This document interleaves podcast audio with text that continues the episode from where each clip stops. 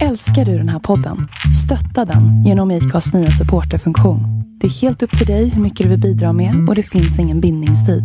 Klicka på länken i poddbeskrivningen för att visa din uppskattning och stötta podden. Hej, jag heter Ryan Reynolds. På Midmobile vill vi like to do opposite of vad Big Wireless gör. De laddar dig mycket we charge you a little. So naturally, when they announced they'd be raising their prices due to inflation, we decided to deflate our prices due to not hating you.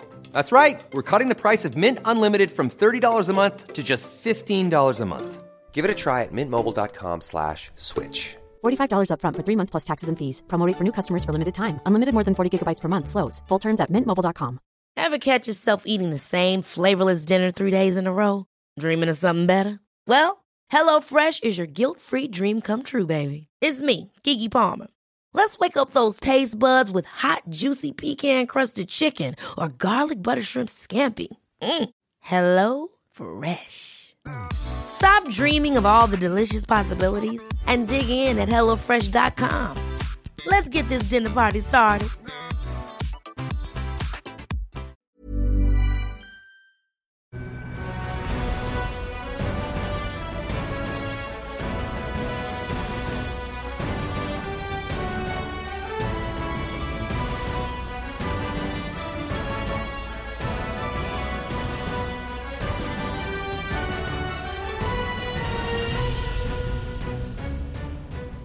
Då så, välkomna till eh, MotoGP-poddens sommarspecial. Vi står återigen i eh, Andreas Mårtenssons garage tillsammans med eh, Sandy Berlin den här gången, precis som inför säsongspremiären. Välkommen Sandy! Ja, jag fick vara med i avsnitt nummer 43 och då avhandlade vi Superbike lite grann och vi kommer ju komma till det lite senare här i podden också. Men det är jätteroligt att vara med här i garaget.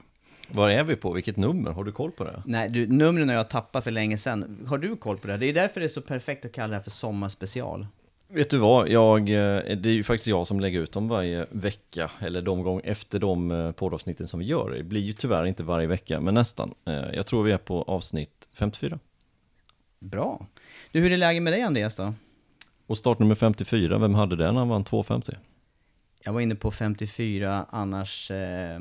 Eh, när hade jag honom? Sofoglu har vi kört 54, har han inte det? Det stämmer. Hade inte Poggiali det? Jo, ja, kanske Poggiali. Och Razgatioglu, ifall ni kan uttala hans namn. Han har ju det startnumret nu också. Ja, du ser, då har vi Ja, alla schysst. tre Ja. bidrog med en, ett startnummer. Ett, en kunskap var, det är bra. Ja, men skönt eh, tycker jag med lite sommaruppehåll ifrån, ifrån racingen och ändå finns det ju en del att, att snacka om och jag tycker att eh, den här, eh, bland annat då säsongen så långt som vi ska komma till. Vi tänkte, vi tänkte avhandla Sachsenring, vi tänkte avhandla lite nyheter, halvtid i MotoGP, halvtid Superbike och också det som eh, står för dörren här närmsta helgen, det är Suzuka 8 timmar. Så det är inte helt stopp i racingen under den här perioden. Men, men för mig har det varit det. Jag har haft en, eh, en skön och lugn period med lite speedway bara. Och det har varit ja, skön avkoppling. En grej som jag undrar lite grann över är, jag lyssnar ju på er podd och försöker dela den över Facebook så fler ska komma och lyssna på den. Stiger tittar, eller lyssnarsiffrorna ska man väl säga, på podden? De gör ju det. Eh, jag är supernöjd med, eh, med alla ni som lyssnar. Fortsätt gärna med det och eh, gärna skriv till oss på, på motogppodden.se på hemsidan, Instagram, Facebook, Twitter har vi börjat med i sändning också dessutom. Det var lite kul att ha frågor som dundrar in under, framförallt har vi ju lite mer utrymme då under friträningarna. Sen var det en grej som jag tänkte på också när vi satt inför den här podden. Eh, vi har ju knappt setts sen bandagen på Anderstorp. Det var ju senast vi tre var på samma ställe. Eh, kul att köra igen tyckte jag. Jag tror du tyckte detsamma Sandy. Otroligt lyckat. Det, det började ju i mål med att det var lite disigt och regnigt där, men det gjorde ju att folk tog det väldigt lugnt de första passen och sen när solen sprack upp och kom fram så kunde man ladda på ordentligt. Och, ja, det var så mycket åkning så att jag orkade inte de två sista passen utan jag Ja, du tog ju min cykel några varv Tobbe på näst sista och sen så lastade jag och tittade på när de körde sista passet. Och, och då var det ju väldigt lugnt ute på banan. Mycket åkning, mycket bra kvalitativ åkning var det.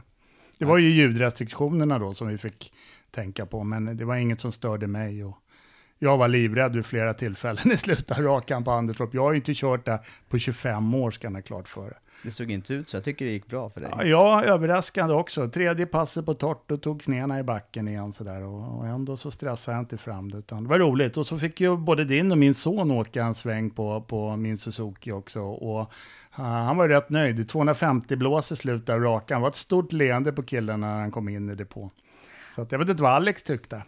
Alex var nöjd också. Han, eh, han var förvånad över framförallt accelerationen. Det är väl det som brukar förvåna folk när man inte har åkt med bakpå. Och jag har ju för övrigt åkt bakpå också här sen, jag vet inte om vi snackade om det, men jag antar det. Men jag åkte med Randy Mamola på, i Barcelona. Det var ju, kanske för mig var det nog inte accelerationen, det var mer bromsningarna som, som var riktigt tuffa. Jag höll på, det kändes som jag skulle flyga över huvudet på honom. Det var ju roligt också att ni hade fått låna den där Hondan av eh, Frank Norberg så att eh, ni, man kunde testa den där cykeln. Jag hoppas ni kan få mer, fler sådana här lånehojar till nästa bandag, för det är väl en inplanerad till 2020 gissar jag. Planerna smids ju, självklart. Eh, så det hoppas vi kunna göra om på Anderstorp, att vi kan köra nästa år igen. Vi hade ju inte klarat oss utan släkten Mårtensson kom vi fram till efteråt i alla fall. ja, det var mycket Mårtensson i depån där som skötte olika funktioner sopa banan och flaggade och läxade upp oss efter noter emellanåt också. Så. Vad, är det, vad är det man säger, vad ska sleven vara? Den där kan jag inte fortsätta Om inte i grytan. Nej, lyckad dag var det framförallt och, och absolut, eh, kör ni bandag nästa år, räkna med mig. Bra. Ja, det var roligt, mycket skoj. Och eh, det har ju hänt lite grann sedan dess. Eh, bland annat så var det ett race i eh, Tyskland, om vi ska hoppa in på dagens programpunkter. Eh, Sachsenring, det var återigen för tionde året i rad, Mark Marquez både i pole position och eh, vann på den här banan. Och det går ju inte annat än att säga att han, han ser ju helt oslagbar ut just runt Sachsenring. Verkligen. Eh, precis som du säger, tio raka och eh, tre stycken då i de lägre klasserna. Sen sju raka i MotoGP från pole position. Eh, har det här facit ens funnits på någon annan? Har någon annan förare verkligen presterat så på en bana? Jag är ytterst tveksam. Det är ju Rossi där. Han hade ju sju segrar, var det inte så? Runt Mugello. Jo, och sen eh, Stoner har varit eh, under sin, eh, slutet av sin karriär var han överlägsen på Philip Island. Men, men annars vet jag inte heller om vi haft den här, inte i modern tid i alla fall. Det, det känns det känns helt enormt, eh, Marcus insats. Och det är väl också honom som, som jag skulle vilja lyfta som den mest positiva, det är inte överraskningen, men den mest positiva föraren just både den här säsongen men, även, men just på Sachsenring här, att han fortsätter att vara så överlägsen trots att han då är eh, ja, mästerskapsledning, han, eh, han behöver inte göra det här men ändå så fortsätter han bara att leverera.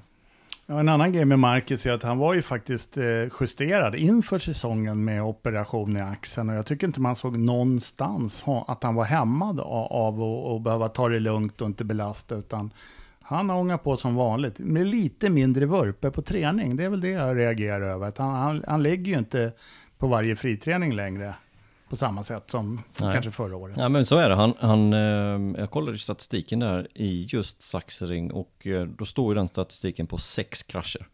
Och eh, det blev inga krascher vad jag kom ihåg i Saxering. Jag tror inte han kraschade någon gång där. Utan han står kvar på sex krascher och på nio race. Jag tycker det är rätt, ja det är väl acceptabelt kan ju också vara ett tecken på det här med att för honom så passar Hondan i år nu. Han har, han har tillräckligt bra känsla för att slippa gå omkull, eller han behöver inte överköra den. Eh, andra förare i Honda kraschar ju faktiskt i år också. Ja. ja eller hänger inte med fartmässigt. Nej, nej, nej. Titta på Lorenzo. Ja, exakt. stora problem. Ja, exakt. Nej men för mig är det den, den, den, positiva, den positiva namnet, den positiva föraren efter, eh, efter helgen på Sachsenring i andra änden av skalan skulle jag välja lyfta Dovizioso och Ducati. Vad säger, vad säger du där Andreas? Jag håller med om det också. Han eh, har kommit två i VM två år i rad och eh, det här var ju ändå året där han skulle sätta press på Marquez. Vilket han gjorde inledningsvis. Han vann premiärracet och det gick bra inledningsvis. Sen så blev det någon sån här vändning. Han hade lite flyt också ska vi komma ihåg på i Texas. När vi alla tre var på plats där. När, när Marquez gick omkull. Det var ju 25 givna poäng där som försvann för Marquez och han, han låg ju 12 poäng efter i mästerskapet fram till vi kom till Barcelona. Och då ja. hände det som hände då med Lorenzo. Framförallt tycker jag inte han har klarat kvalen. Dobby har ju många gånger varit i Q2 under årets säsong. Och det vid ett tillfälle i alla fall. Som, Ja, Q- Q1. Q, Q1. Just det, förlåt. Q2 är ju dit man ska. Och det, och det tror jag har sinkat honom väldigt mycket. Och det sätter sig nog lite på huvudet också att man inte går direkt in till Q2. Ja, kanske. Ja. När man, när man är en, eh, ja, vad ska man säga, World Championship contender, för det är ju han liksom. ja, absolut. Visst är Eh, det. och, och Ducati generellt, Petrucci, ja han har vunnit ett race på Mugello som var superviktigt för hans fortsatta karriär. Men jag tycker inte han har imponerat så mycket som man kanske borde göra när man är fabriksförare för Ducati. Nej men, det, nej men det är kanske därför jag lyfter den här Ducati-frågan också då. Frågan är om, om det räcker den utveckling som, som görs. För att eh, vi vet ju alla som har hållit på med racing att det, det är ständigt pågående arbete det här. Och jag tror ju att eh, vissa fabrikat, det är bara att blicka åt sidan där till Yamaha till exempel, som, som inte riktigt har svarat upp mot övriga fabrikats utveckling. Det, jag, jag tror Ducati är lite samma läge nu. De måste ta det här sista steget för att lyfta förarna också. Ja men eh, det tror jag också. Men just Petrucci, jag tycker han har ändå ut det väldigt, väldigt bra. Jag skulle i sådana fall kritisera Dovizioso lite mer i så fall. Om man ska välja de två. För Dovi har ändå fått spö av Petrucci ett par, tre gånger. Lema till exempel, han fick inte spö där men, men hade verkligen Petrucci inte haft ett kontrakt att tänka på en, eh, ja, velat ge sig in i fighten så, så var han lite snabbare där. Mugello så vann han. Senast nu på Saxering så var han också före i mål. Och eh, de hade en, en tuff intern kamp i, i Assen på racet innan. Eh, och jag, jag tycker inte att Dovizioso egentligen ska, han ska vara lite bättre än Petrucci. Jag, jag tycker inte Petrucci har varit på pallen tillräckligt mycket för den sitsen han sitter i. För att det, det tog några tävlingar när han överhuvudtaget fick kliva upp där. Så att eh, det känns som han ändå spelar lite andra fiolen bakom Dovi. Sen är det frågan hur man då från Ducati-håll ser på den här interna konkurrensen där. Jag tycker ändå att Petrucci var ja, kaxigt. Eh, rätt beslut i Frankrike att hålla sig bakom Dovizioso. Eh, för där var det strategiskt för, för, viktigt för honom just med kontraktet. Men sen den här... I, den inte här göra Ian Onne menar ni? Nej, Ja, exakt. exakt. Men, men den här omkörningen på Mugello, den var ju kaxig. Ja, den var riktigt eh, tuff var den. Och han, han visade att han höll det varvet också. Han höll dem bakom sig hela ja, varvet ut. Jajamensan, gjorde han. Så det var ju ingen, eh, det var ingen sån här do or die manöver och sen hade han inte farten utan han, han höll ju det. I och för sig då ett varv men, men vann också. Ja, häftigt tycker jag. Ja, nej, men det kändes någonstans med Do- Dovizioso just att det gick ner för efter den här kraschen i Barcelona. Och, och det, det tyckte jag vi, vi kände vibbarna lite när vi hade ett reportage med honom också, att han, han hängde lite med huvudet. Sen ska vi komma ihåg att det här är, precis innan sommaruppehållet nu så var det väldigt många dåliga banor om man får säga så, för Ducati och kanske för Dovi också. Nu kommer det betydligt bättre. Bruno, där han vann förra året, Red Bull Ring, där Lorenzo vann. Och de har vunnit tre år i rad. Och sen vidare till Silverstone där de var väldigt snabba förra året. Aragon såg bra ut, Misano vann Dovi. Så att vi kom in i en stark period nu för just Ducati. Medan vi har haft en väldigt dålig period för Dovi. Så man ska inte dra för stora växlar. Det jag drar är skillnaden mellan Dovi och Petrucci. Där jag tycker att de är väldigt jag ska inte säga likvärdiga för jag, jag rankar ändå Dovi högre. Men han har ändå fått spö av Petrucci några gånger. Och eh, han borde vara lite stark. N när det inte går hans väg riktigt, Dovizioso, så ska han fortfarande slå Petrucci. Sen är jag imponerad av, när du nämner båda förarna, jag är imponerad av att eh, kanske mest Dovizioso vågar eh, lyfta in Petrucci så nära inpå med, med träning och med, som de har jobbat nu inför säsongen också på något vis. De delar ju delar kunskapen med varandra, förhoppningsvis så är det något slags växeldragande men Ja, i slutändan, Ja, det, kan, det kanske är något, det, jag vet inte när, när det ska ge resultat för båda. Idealet är ju, båda borde ju lyfta sig och båda behöver ju lyfta sig för att rå på Marcus. De behöver stjäla poäng från Marcus. Och inte av varandra. Nej, exakt. Petrucci, är inte han lite för stor för att köra en sån cykel? Kommer ni ihåg när Loris Bass inte skulle få kontrakt för att han var för lång?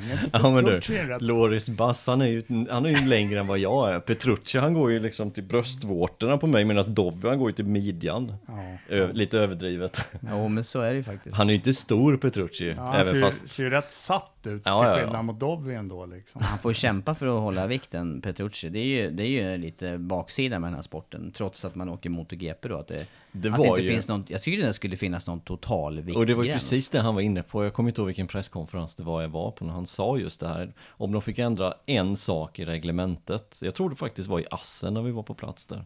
Så var det just att han ville ha ekipagevikt. Ja, men jag har varit inne på det där tidigare. Jag tycker att det är... Med, med, med den jämnhet som är nu, då, då är ju det ändå en avgörande grej. Det kommer jag ihåg när man åkte själv. Jag åkte ju faktiskt endurance med, med killar som var både 10 och 20 kilo lättare och tyngre. Vi åkte i samma hoj ibland. Det var ju bra för mig då som låg i mitten där. Men Men basketspelare då? Ska man bara tillåta de som är 1,70 att spela? Eller ska de andra handikapp då? De som är två meter, nej ni får bara kasta med vänster hand.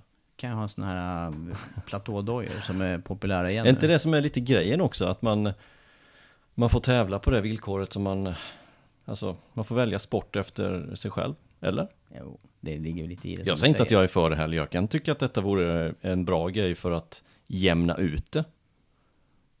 Kan jag tycka. Jag vet ju att Redding hade problem med det där också.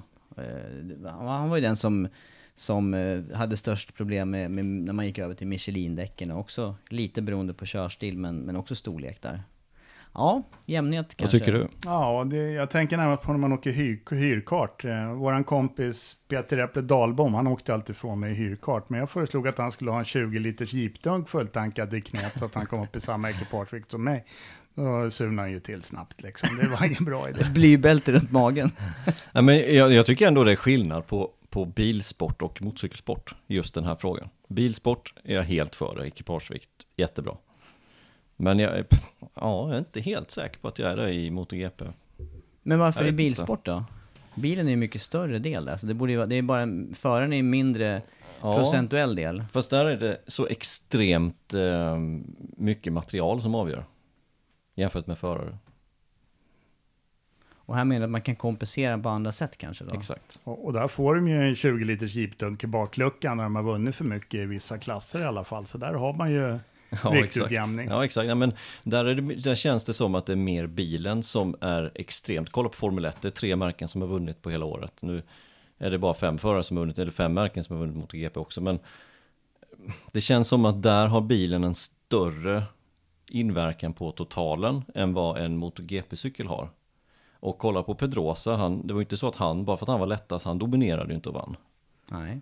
Nej, men han hade ju lättare för när de, när de gjorde lite däck som passade och som man fick... Men temp- betydligt svårare de sista två åren han körde, när han inte fick upp däcktempen istället. Ja, ja visst. Ja, han var väl inte ens närheten av prispallen förra året. Så. Nej, han tog ju sin sista pallplats, eh, Valencia 17 ju. Det var ju hans sista pallplats. Eh, Sen blev det ingen under 18 och sen slutade han. Så att, ja, Det är väl det som är svårigheten där med reglementet, att få till ja, det. ja. Det kan ju vara en, en del för att utjämna det på ett annat sätt, absolut, och införa ekipagevikt. Men eh, det där med reglemente, eh, däck och grejer, vad händer där? Det blir ju för nästa... Nu, just nu är det ju fortsatt Michelin där. Jag tänkte vi skulle dra in lite grann när vi kommer in på, på nyhetssvepet där, för det kommer att bli förändringar till, till nästa säsong med, med däcken. Men, men, men återigen då med, med Sachsenring, vi har inte sagt någonting om bakom Marcus. Det var ju Vinales tvåa och sen var det Crutchlow på tredje plats. Mm. Vassa, Starkt, starka resultat av båda dem. Ja, faktiskt. Eh, Crutchlow hängde med betydligt bättre än vad jag trodde. Vinales tog sin andra raka pallplats eh, efter segern på Assen och eh, kanske börjar hitta rätt. Men, men Crutchlow, han var väl lite justerad? Han hade inte han cyklat Jo. hellre än bra vid något tillfälle strax innan? Det var ju bara tisdagen eller onsdagen tror jag veckan innan, så alltså mitt emellan Assen-racet och Sachsenring. Jag har inte läst detaljer på det, men som jag tolkar det så kanske han klippte i sina cykeldojor lite för snabbt innan han hade balans. Det lät nästan som en sån där stå stilla-krasch liksom, Ja. där man sitter fast med fötterna i, i Men pedalerna. han slog sig rätt illa. Det var något knä som pajade för honom. Ja, det var ju något yttre, yttre ledband. Kors, Farligt- farligt korsband att till och med det var. Farligt Yttre korsband. Finns det något sånt yttre korsband? Läkare Lion. Lägg av! När det ligger i kors borde det vara både inåt och utåt. Så det, ja, jag chansar på ja där. Hur som helst, Crutchlow, han lyckades ju över förväntan på Sachsenring och eh, han är ju verkligen en färgklick. Han och Jack Miller, de sticker ju faktiskt ut lite grann i det här MotoGP-gänget och de verkar ju vara bra kompisar dessutom. Ja. Så att, eh, Och sen är de, eh, alltså de pratar engelska. Det är deras modersmål, men man förstår dem på ett annat sätt. Och de kan vara lite roliga på ett annat sätt än vad en spanjor italienare kan vara. Det där blev faktiskt tydligt nu. Jag gjorde lag-VM med speedway i helgen där då intervjuade de, eh, eller nej det var inte ens intervju, de skulle bara välja startspår. Lagledarna i lag-VM skulle välja startspår. Ryska lagledaren förstod inte ens vad, vad han gjorde där.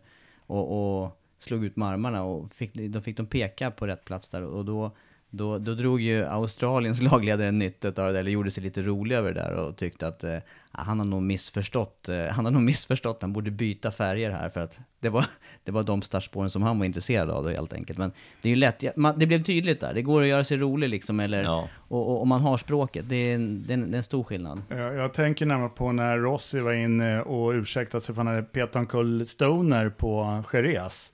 Och, och eh, Stoner var ju oförskämd mot Rossi, men det fattade ju han aldrig.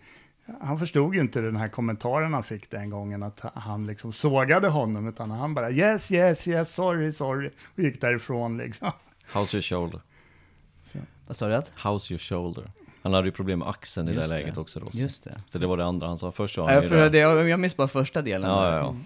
Med, med ambitionen som... Eh, Överstiger talangen. japp. Mm. Jävla oförskämt att säga Ja. till en sjufaldig världsmästare. Och sen så frågar han ju, hur- how's your shoulder? Det var inte riktigt tyngd i den, för han, han ville egentligen inte veta, han visste att, han menade på att den var illa som den var. Ja. Ja, roligt. Men ska vi hoppa vidare, nästa steg? Ja, vi Ska vi lämna, ska vi lämna Sachsenring? Jag tycker vi lämnar saxen in. Det var, det var ju ett, eh, ett ytterligare bevis på Marcus överlägsenhet och tycker jag, nu är det ett svårt läge för övriga förare som ska ikapp honom. Det är, det är min känsla i alla fall. Ja, nej men så är det. 58 poäng skiljer i mästerskapet mellan Marquez och Dovizioso. Ja, vi kör in på en liten nyhetssvep. Det fortsatte ju helgen där på Sachsenring med Moto E-race och eh, får man, av döma av kommentarerna och det vi såg, vi såg ju faktiskt racet där. Eh, spännande race och eh, mycket positiva kommentarer efteråt. Ja, vad tycker vi om Moto E? Det låter som en Scalextric elbilbana från eh, 70-talet när de susar förbi. Du har ju sett Moto E-hojar eh, live på Isle of Man. Hur var det? Ja, men där var det flera olika sorter och, och det som jag noterade då var att de hade väldigt mycket olika eh, vinande transmissionsljud, för det är ju det enda man hör. Eh, På Isle of Man, då stod vi på Sulby Straight och då passerade den snabbaste elhojen i 260 blås.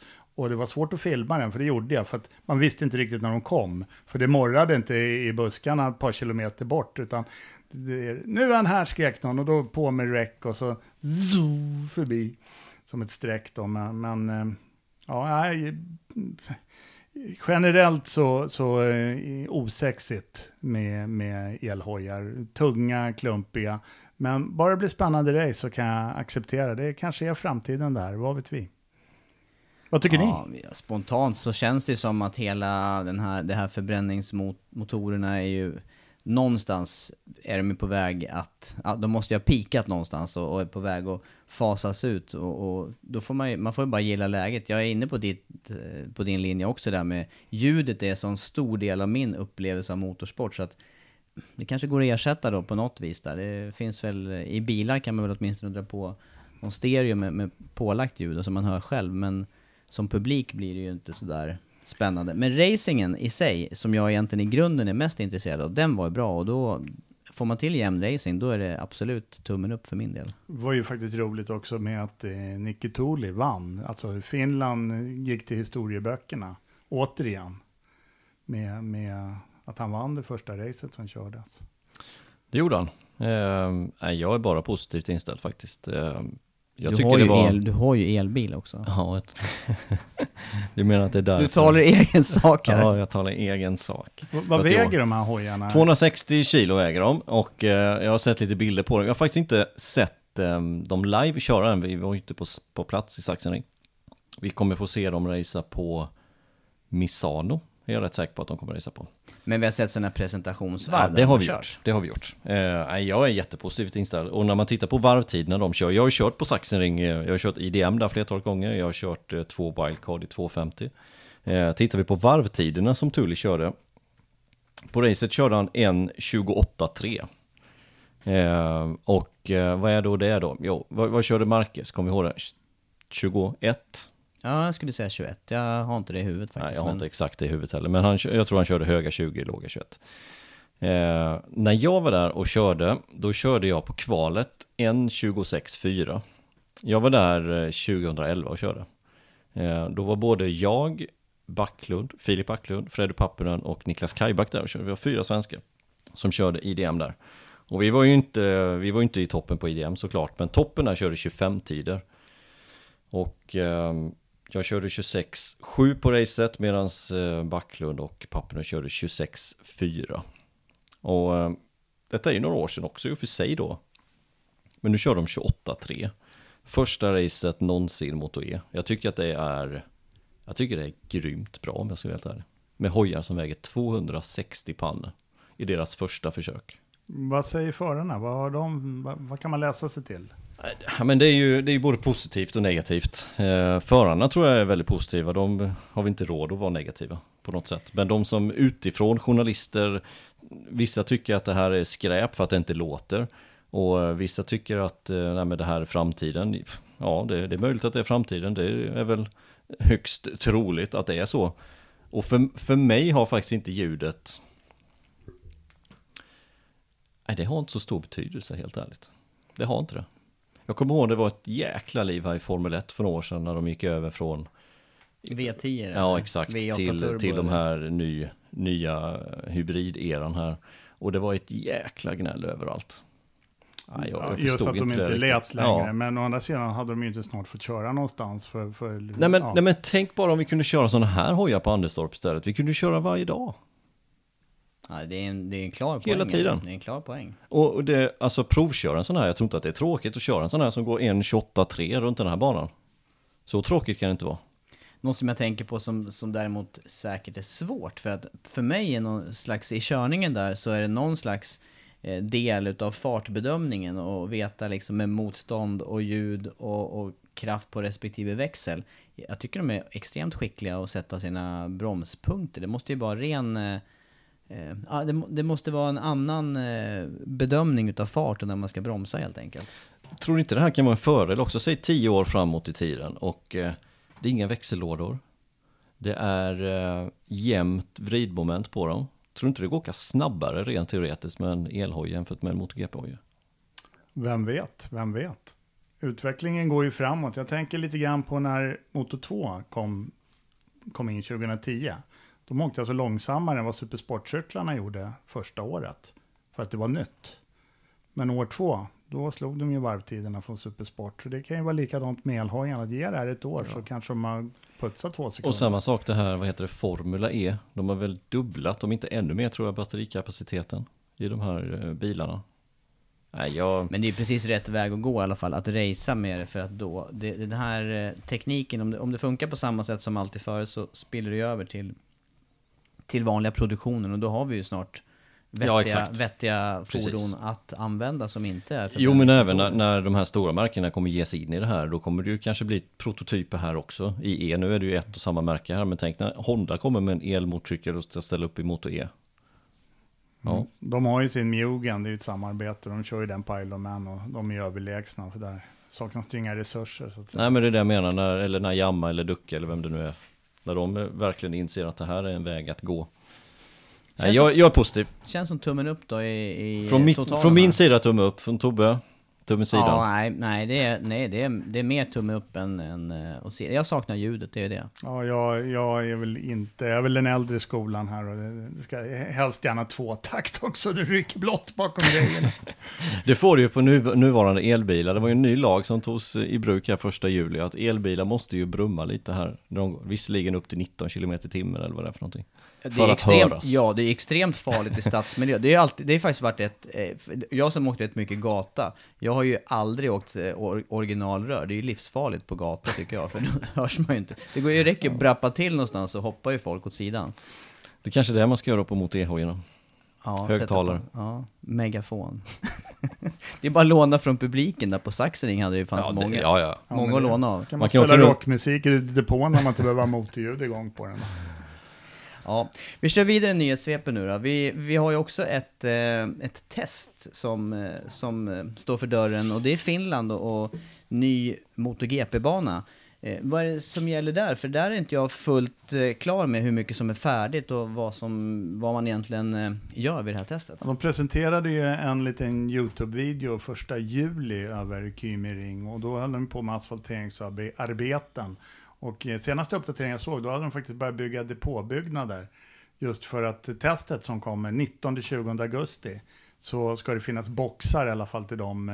Eh, det är väl e-, ett testteam från varje fabrikat, vi har förstått allt rätt, som kommer dit. Så de ska kunna ha boxar i alla fall. Så att eh, de har nog en rätt snäv tidsplan att jobba på. Men det var ingenting utlagt i avåkningszonerna till exempel från den här videon. Det var ju med drönare och de körde runt lite grann. Så att, men det kommer säkert nya uppdateringar. De, de har ju dock allt, ja, en, en månad på sig nästan och, och fixa till det. Då. Men den ser häftig ut, banan.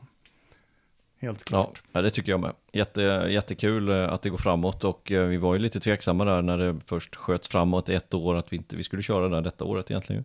Nu blev det inte så, utan man skjuter, då blir man ju ändå lite orolig. Vad händer egentligen? Kommer det ställas in? Vad kommer hända? Eh, men kul nu att de har fått tummen upp att de ska köra det här testet. Hoppas testet blir av verkligen nu. Man ska, ja, jag ropar inte hej förrän jag ser att de kör på den här banan. Nej, och sen också att utgången av testet blir så pass att, eh, att, man, att man kör vidare. Och det, det handlar ju mycket om det du är inne på där Sandu, tänker jag, med, med säkerheten. Att det känns... Det ska vara säkert att åka MotoGP-cykel runt den här banan. Nu tvivlar jag inte på att man planerar för en säker bana med avåkningszoner ja, och så vidare. Men det behöver ju faciliteter också. Det är påbyggnader, läktare. Eh, jag vet, jag känner inte till området. Finns det hotell för den här upptagningen? Vad är det för tillfartsvägar? För att jag kan tänka mig att det kan komma 100 000 personer till ett MotoGP i, i Norden. Jag ska definitivt dit om det blir någonting av. Vem är det som designar banan, vet vi det? Nej det, har ju, nej, det vet faktiskt inte jag, men de som har gjort, eh, de som har stått för de senaste bandesignerna, det är ju Herman Tilke då, men det är ju Sepang och eh, Turkiet där till exempel, som, som två riktigt bra MotoGP-banor. Men annars är det ju Jarno Safelli där och hans eh, företag i eh, eh Italien. Eh, den här vet jag faktiskt inte vem som har designat.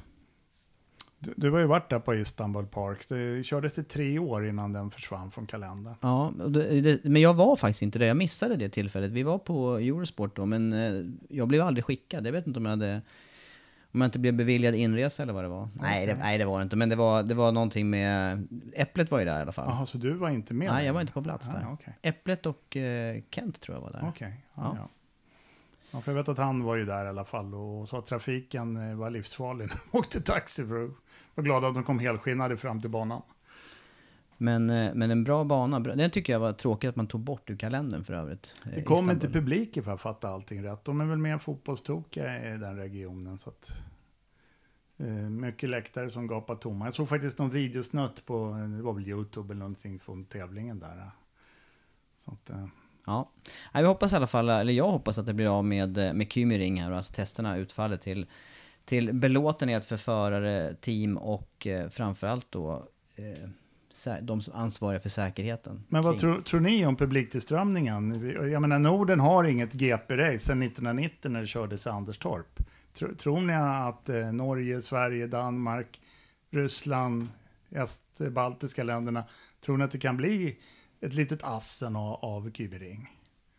Ja, det är, det är ju jättesvår fråga faktiskt. Ja, jag vet faktiskt inte. Det, det vet väl de självklart vad de, vilken, vilket upptagningsområde som de tror att de kan få, men ja. Ja, men du är inne på någonting där ändå tycker jag Sandy, för att det man ser i eh, de race som vi är på plats då i framförallt central och sydeuropa där det, där det är som högst tryck, det är ändå, det är ändå vad ska man säga, det, det, man märker tycker jag att det är ändå mycket lokalt tillrest. Mängden publik är ju, den stora publikmängden är ju lokalt upphämtad ifrån. Och, och det finns ju inget riktigt för varken Norden eller för Ryssland eller Baltikum. Och förhoppningen är ju ändå att det, att det är tillräckligt bra eh, logistik och, och, tillräckligt lättillgängligt så att folk tar sig på plats och, och ser racer på plats. Och då skulle det då tycker jag ju att 100 000 vore väl inte orimligt, men samtidigt så är det ju... 100 000 är ju... Alltså, det är ändå ska, mycket personer. Vi ska komma ihåg att Assen var det 105 000. Och Assen har funnits på kalendern sedan 1949. Det är ett klassiskt race, som, alltså TT Circuit, det vet ju alla här inne. Vi har ju varit där flertalet gånger, alla tre här. Det, det, är ju ett annat varumärke liksom, mitt i sommaren, alltid där runt midsommar. Ja, ja, det är frågan om vad man, som du säger, vad man kanske kan eh, dra för någonting runt omkring också. Men nej, 100 000 är kanske en drömsiffra, men, men eh, real, och- jag vet inte vad som var bäst, bästa åren där nere på Anderstorp. Jag tror att det var en 40 000, 40-45 000 kanske. Stämmer nog. Stämmer nog. Ehm, å andra sidan om vi, om vi vänder på det så, ja, vad är det i restid till Assen härifrån? Stockholm? 12 timmar med Ja. bil kanske ja, då. och hur långt är det till Kymering härifrån? 28. jag vet inte. Nej men du ska åka båt. Ja, Du om man nu ska åka- ta sig alltså, den. Ja, visst. Det behöver du till, till, till Assen också. Ja. Men ehm, det är inte så att, även fast det är Finland och grannland och sådär, det är inte så att det är supernära. Ja, jag vet ju Inte från härifrån, inte från södra Sverige. Från racingtiden så vet jag ju att finska racingförare la ju betydligt mer restid än vi som kom från, eh, till och med från Stockholm som också hade långt till många banor. Då kanske det liksom upptagningsområdet är mer som ni är inne på, baltiska länder, Ryssland och så Finland självklart lokalt. Än kanske Sverige, Norge, eller? Ja, samtidigt har de ju grym publik i Jyväskylä där när det är VM-rally så att Ja, hoppas, motorto- hoppas, hoppas. motortokigt land där i Ja, det är det ju, definitivt. Nu är ju testet planlagt till 19-20 augusti, men när ska tävlingen gå 2020? Är det samma period? Nej, det är inte klart vad jag har läst, utan eh, det är fortfarande eh, skrivet i stjärnorna. Så att det fortfarande är sommar i Finland i alla fall? Ja, men det har de väl tänkt, det, har de ju, det, det jag har läst har de tänkt på det, att det ska vara under de Någon ljusa sommarmånaderna. mån- Ja, exakt. Ja, Men hur de ska få in det och var, vet inte. Nej. För det kommer ju bli ett race till, det blir ju 20 race istället för 19, så att de ska ju få in det någonstans. Skjuta på något race kanske för att få in det. Eller. För jag tror inte de vill gå ner till sommaruppehåll på, på två helger som det var förra året.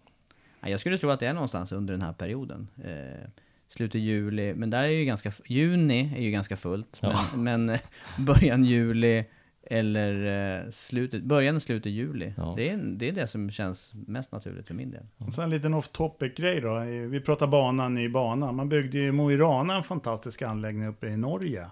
Men, men det vart aldrig några tävlingar där, inga av internationell karaktär. Har du kört där Andreas? Eh, ja, jag har kört där. Många år sedan, 99 var jag där. Körde Classic, när jag körde på den tiden. Ja, är det Ehm. Nordens häftigaste bana? Ja, nu, nu var det ju som sagt 20 år sedan jag var där och körde, men eh, ja, det vill jag nog påstå att den är riktigt, riktigt fin, den är rolig att köra, den är ganska lång, det går upp och ner. Den har det mesta. Nu har man kört den för lite för att eh, riktigt kunna tycka till. Eh, men jag tycker den är cool. Varför vart det aldrig någon internationell succé? Varför kom man aldrig till stånd med några tävlingar? Är det logistiken att få dit folk då till Mo i Rana? Ja, Jag- bra fråga. Jag kan tänka mig att det är det, men jag, och jag har också bara, jag har inte varit där, jag har inte kört där, men jag har eh, racekompisar som har åkt banan och, och eh, äh, häftig inramning och, och häftig bansträckning. Så allting finns ju där, plus den här möjligheten att åka i, eh, i Ja, eh, midnatts, midnattsljus jag på att säga men, men eh, solljus mitt i natten. Jag tror man körde något endurance där uppe bland annat, så, som man inte behövde ha eh, Stämmer. lysen på helt enkelt. Nej, vi får, vi får se då hur det blir med, med Kymering. Men fortsätta i nyhetssvepet tänker jag i alla fall göra nu för att vi behöver avhandla lite mer här. Eh, Du var inne på däcken Sandy, det kommer bli förändringar till nästa år och de förändringarna eh, handlar om att Michelin vill ha tillbaka lite banrekord på banorna. Tror jag. Ja, det finns ju några banrekord som står sig, alltså racevarvrekord som står sig från eh, Bridgestone-eran. Och det är väl dags att eh, de slår de här värdekoden kan man ju tycka. Så att eh, de ska införa ett annat eh, bakdäck till nästa säsong. Eh, och tester gjordes med det i Barcelona måste det ha varit. Eh, och då sa alla 18 förare som var på banan att det var betydligt bättre. Förbättrade sig mellan 0,2 och 0,8 sekunder. Eh, Så de räknar med ett snitt då på 0,5 sekunder bara på bakdäcket till nästkommande säsong. Jag har en fråga. Eh, Är det några banrekord som står sig sedan eh, 800 kubiks eran när de körde Bridgestone? Att de inte har lyckats slå dem med de här 1000 kubikarna? Nej. Jag säger pass. Ja, jag säger också pass, men jag säger ändå nej. Men, men, men jag då, tycker... då hade vi sett det, för vi tittar ju på alla varvrekord varje helg. Och eh, då hade vi sett att det är något som står ut, kan jag tycka. Det jag tänker på är det här, det, det som jag snarare tänker på det är ju det, det går lite stick i stäv med det här säkerhetstänket då, för man måste ju inte ha upp hastigheten eller du behöver inte sänka varvtiderna för att få bättre race. Och framförallt så, så var ju det här med 800 kubik, då gick det ju fort i kurvor men inte lika fort rakt fram. Och det är ju det är kurv, kurvhastigheten som man kanske vill ha ner ändå. Ja, jag kan hålla med dig. För det, det var ju när man bytte jag har heller aldrig förstått varför de var på 990 kubik förra gången och så gick man till 800 och nu är det 1000. Vad, vad var det som gjorde att man inte ville ha 1000 första gången? Vart det för likt Superbike? Ja, kanske. Det är också en passfråga för mig. Pass. Två pass på kort tid här nu. Varför varför kom du med för Sandy? Ja, jag ber om ursäkt. Nej, jag skojar bara. Det är jättebra, det är roligt med lite ny infalls, nya infallsvinklar där, men, men, eh, men just det här med... Så, så snacket är i alla fall att införa de här däcken till nästa säsong då. Ja, så är det. Eh, I övrigt då, då eh, vi, jag tyckte inte vi lyfte det här med eh, tillräckligt mycket med eh, Vinales resultat på Sachsenring, för att han har på något vis lyckats vända sin, sin svaga form. Och sen så har det gått åt andra hållet kan man väl ändå tycka för, för teamkollegan Valentino Rossi. Vad blir känslan kring det här? Jag tror åldern håller på att ta ut sin rätt på Valentino. Jag menar, han är ju 40 år och vi har ju sett, vi har haft våra hjältar här hemma som har blivit i åren. Ja, och det går, ju, det går ju långsammare och långsammare och, och framförallt så känns det ju mer i kroppen dagen efter när man har varit i sandfållan. Så att, eh, tyvärr så tror jag nog att det bästa av Valentino Rossi, det har redan varit. Jag, jag hoppas ju att han ska få vinna strörace, men han kommer inte Eh, han kommer inte bli eh, som Marquez eh, på podiet högst upp varje race som han var en gång i tiden. Tyvärr. utvecklingen på Vinales där och den, den är jag imponerad av. Eh, eller imponerad, jag, är, jag, är, jag blir glad att se att, eh, att det går att vända det här. Att han är snabb, det har ju aldrig varit någon tvekan, utan han har ju, han har ju varit snabb på tester och eh, ja, på slutet här nu har också lyckats få med sig det i, i race och varit med och utmanat eh, Marcus och faktiskt också vunnit race. Så att han, eh, ja det, vad, vad är det som gör den här medgången? Det är lite svårt att sätta fingret på, men någonting är det i alla fall som gör att han känner att han kan vara med och fightas. Är det fjärde säsongen han gör för Yamaha nu, Vinales? Jag tappar räkningen. Eh, nej, tredje borde det vara. Tredje säsongen borde det vara. Det är tredje. 17, 18 och eh, 19. Eh, Så det är tredje, tredje säsongen, han har kontrakt över eh, nästkommande säsong och det har ju varit Vi har ju pratat om det lite Tobias i podden här att eh, om inte han levererar snart så är det kanske bud på att byta ut honom till, eh, till 2021.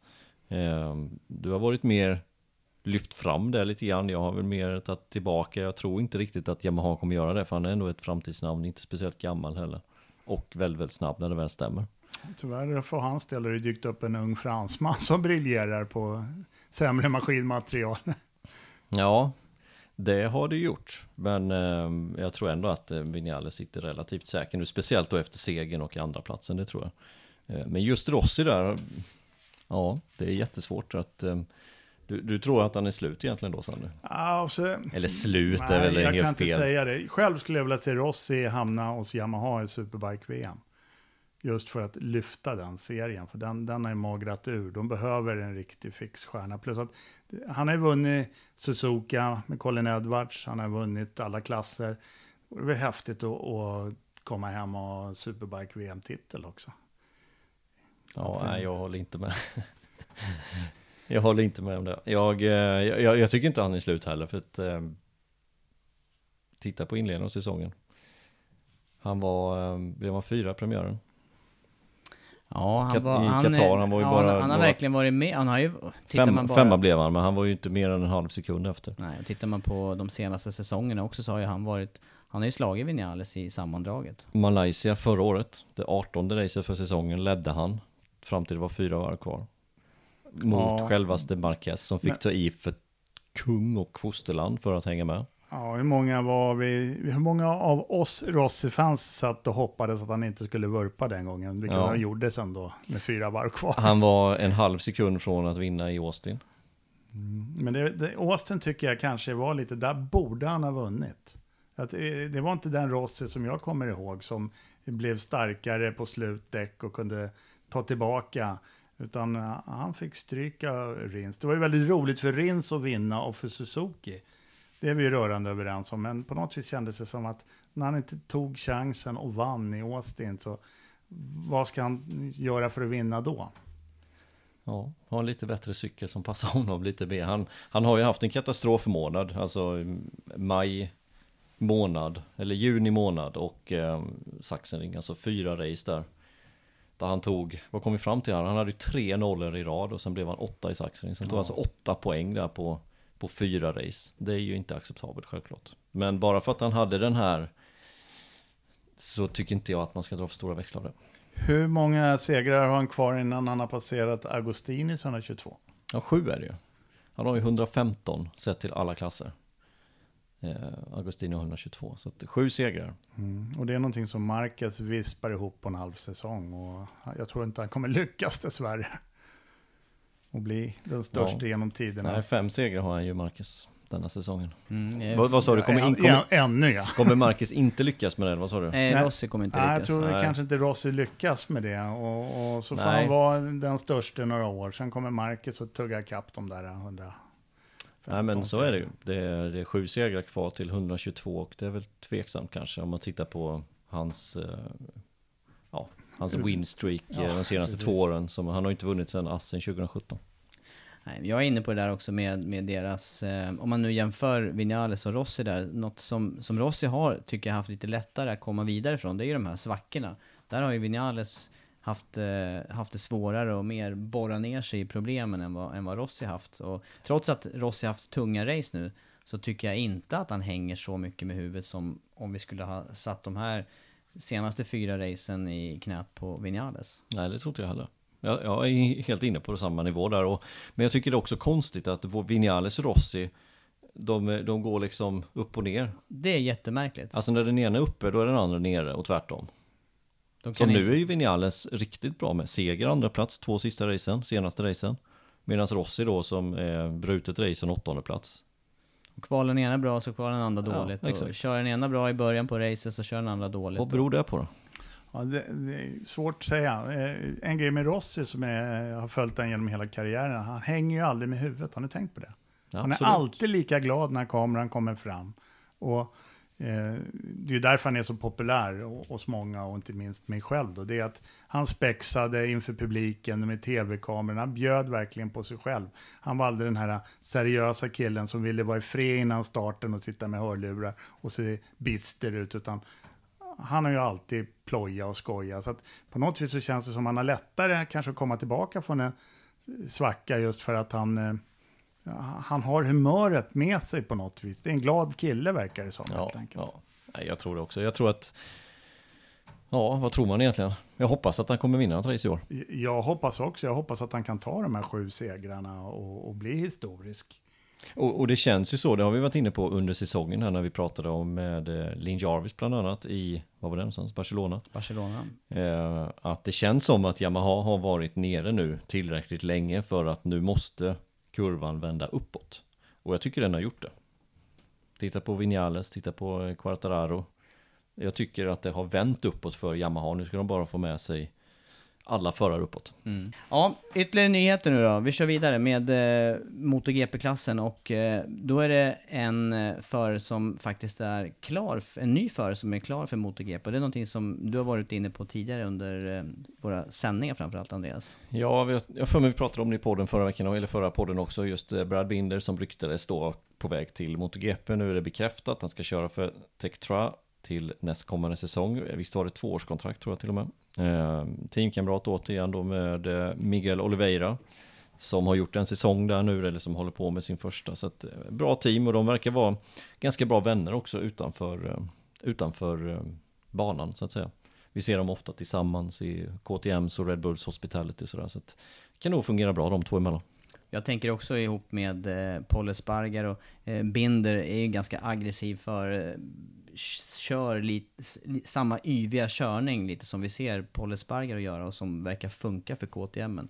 Kan vara en bra värvning tänker jag. Ja, det håller med. Jag håller Vad med. händer med Sörin då? Ja, men Sörin ryktas väl tillbaka till eh, Moto 2 och det är väl inte allt för eh, otroligt att tro att han kan få en styrning i Petronas. Skulle jag gissa på. Där vill man ju ha förare från, eh, från hemmanationen, där malaysiska förare som och så som... hoppas vi på att det blir två förare där till nästkommande. Nu är det Folge som ska köra där några race till. Till eh, Paui kommer tillbaka. eh, en förare till där så det varit bra, en toppförare och så kanske Mm. Ja. Ja. en toppförare och en lite med, eh, ja, lite lägre ner. Vidare nu då till, eh, vi sa ju, vi snackade sommarspecial, när vi snackar mycket saxenring och, och eh, nyhetssvep här, men eh, det här med eh, att serierna nu, jag tänker både för Sandys del och för vår del, eh, både Superbike-VM och MotoGP, eh, tar eh, eh, sommaruppehåll. Eh, lite summering utav första halvåret här och eh, jag tänkte släppa in Sandy här. Har du någon speciell eh, tanke med, eh, med första halvan av året eh, gällande MotoGP? Ja, alltså det, min tanke är ju faktiskt resultatmässigt. Jag tänkte lite grann. Eh, KTM, jag tänker på Sarko. Sarko var ju en toppförare som ledde sitt första MotoGP-race och, och ja, lyftes väldigt. Han ser inte glad ut längre killen. Han, han ser väldigt dyster ut i depån med de resultaten och, och tråkigt eh, för honom. Vad, vad säger ni om honom? Ja, det, ja jag, jag har samma upplevelse som du har här och, och eh, lite som vi slutade nyhetssvepet här och med... Eh, det, det här är ju en svårighet som vi har sett många gånger. Eh, det går ju att backa till eh, Rossis skifte till eh, Ducati. Eh, när man byter fabrikat, då är det ju som att köpa grisen i säcken. Man vet ju inte egentligen vad man hoppar på för cykel. Man kan ju bara utgå från det man ser, hur eh, cykeln och andra förare prese- eh, presterar under eh, den säsong då när man skriver kontraktet. Och, och sen vet man ju faktiskt fullt ut inte själv när man sätter sig på cykeln. Jag har ju kört en hel del massa olika fabrikat, dock eh, mycket standardbaserat. Men det är klart att cyklarna skiljer sig åt och man känner sig olika hemma på olika cyklar. Och det där kan vara, eh, för, för vissa är det ju helt avgörande. Det, det, jag tycker det ser extremt tungt ut för Sarko att få vägar vidare för honom just nu.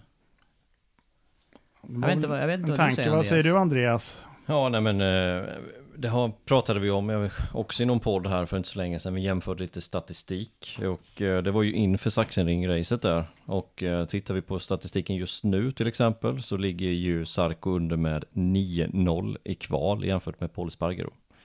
Han kvalade bättre än Oliveira och leder kvalstatistiken mot just Oliveira då med 5-4.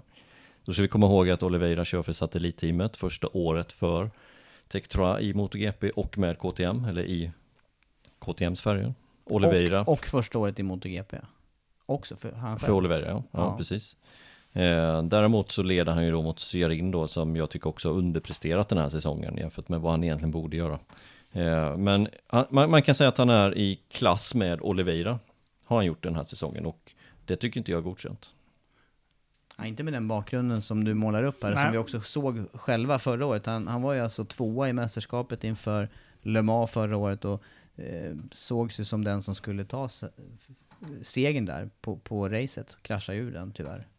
Vem skulle KTM värva för att få resultaten? För att det verkar ju som vissa förare kan köra. Paul kör ju bra, men jag tror inte han är den bästa chauffören ändå. Är det Marquez de hade behövt ha på en KTM för att det skulle bli resultat? Nej, jag är faktiskt tveksam till att Marcus hade gjort superbra resultat också på KTM. Jag tror inte, alltså många tror kanske att Marcus hade gått in och tagit pallplatser då liksom regelbundet med KTM. Det tror jag definitivt inte, för så dålig är inte Paul Espargaro. Så att han skulle få spö av Marcus med hur mycket som helst, det, det, det tror jag inte på. Nej, jag är inne på den här äh, med, med utvecklingen. Om man tittar på hur länge KTM har funnits med i MotoGP så är det ju väldigt, väldigt kort tid jämfört med de övriga fabrikaten. Och då är det ju... Ja, jag Men vi- inte- vi jag jämförde man detta- Skulle, jag vet inte vem man skulle sätta in där. Som skulle göra bra resultat nu. Nej. Nej. Det, för det är sista, det är sista lilla biten där som är den svåra i att nå till toppen. De är ju fortfarande inte långt efter. Vi, vi, hade, vi var inne på Le Mans här nyss, Paul Espargaro på Le Mans. Jag vill minnas att han var kanske 5-6 sekunder efter segern där. Det var hans bästa och KTMs närmaste, eh, närmaste segern som de har varit i ett, i ett fullt race. Ja. Jag tror att det var något sånt. Jag kanske haffar det någonting ur luften nu men... Jag är inte säker på att de skulle kunna värva en förare som kan ta deras nästa steg faktiskt. Det är jag inne på.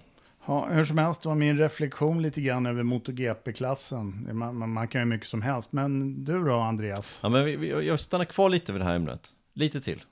Kan vi göra det? Ja, jag säger ja. Jag säger tummen upp då. Tummen upp. Ja, okej då. Kör på. tror ni att om man hade värvat en annan förare att det hade gått bättre för KTM? Ja. Då, är det, då, då tror du att det är det som behövs för att få dem att lyfta ännu mer?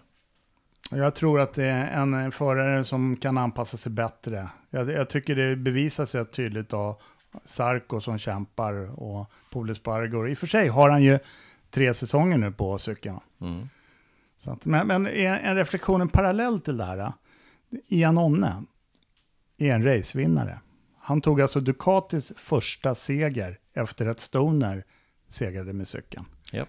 Och som tack för det fick han sparken, men eh, det är en annan sak. Eh, vad har han gjort efter det? Ha- Han har också fallit längre och längre ner i resultatlistan. Ja, Jag tror att han hade kunnat göra bra ifrån sig om han hade fått stanna kvar på Suzuki något år till. det tror jag också.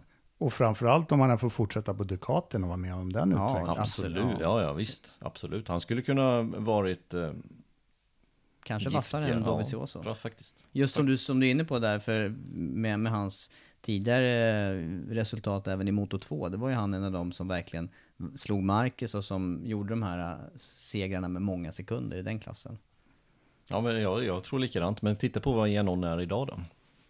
Han är hos Aprilia och gör sämre resultat än Aleix Sparger då.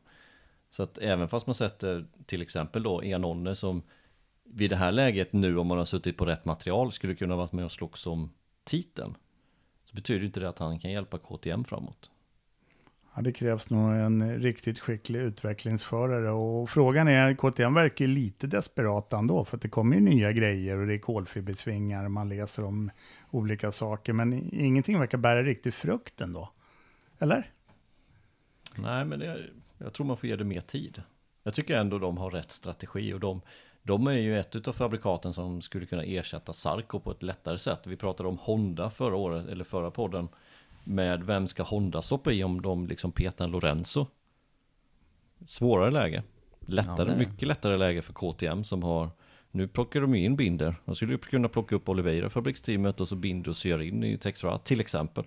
Och göra det på ett enkelt sätt jämfört med Honda som har stora problem. Men titta nu på vår unge fransman.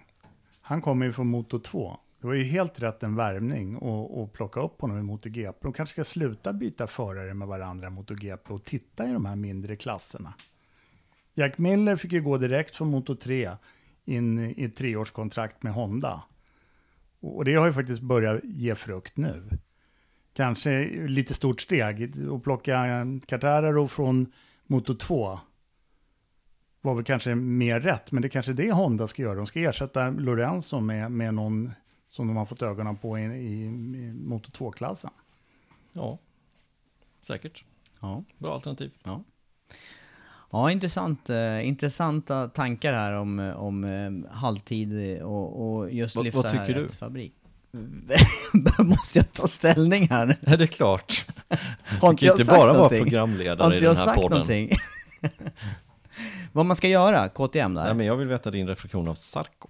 Ja men eh, reflektionen är att han har, svå- jag tror att han har svårt att vända den här, eh, den här eh, eh, trenden. Att han, han kanske inte är rätt förare på rätt plats just nu, att han inte får till det. Han, han kanske är en av de förarna som inte har eh, förmåga att anpassa sig där. Och eh, då är jag mer inne på Sandys linje, att man eh, värvar någon som är bredare och jag tror mer på skulle man till exempel få över Marquez som, som bevisligen har kört igenom alla möjliga svårigheter hos Honda och stuckit ut där i, i många år så skulle han ju mycket väl kunna vara en sån förare för mig som, som även lyckas eh, hos KTM. Men jag vet inte om Men KTM... inte idag.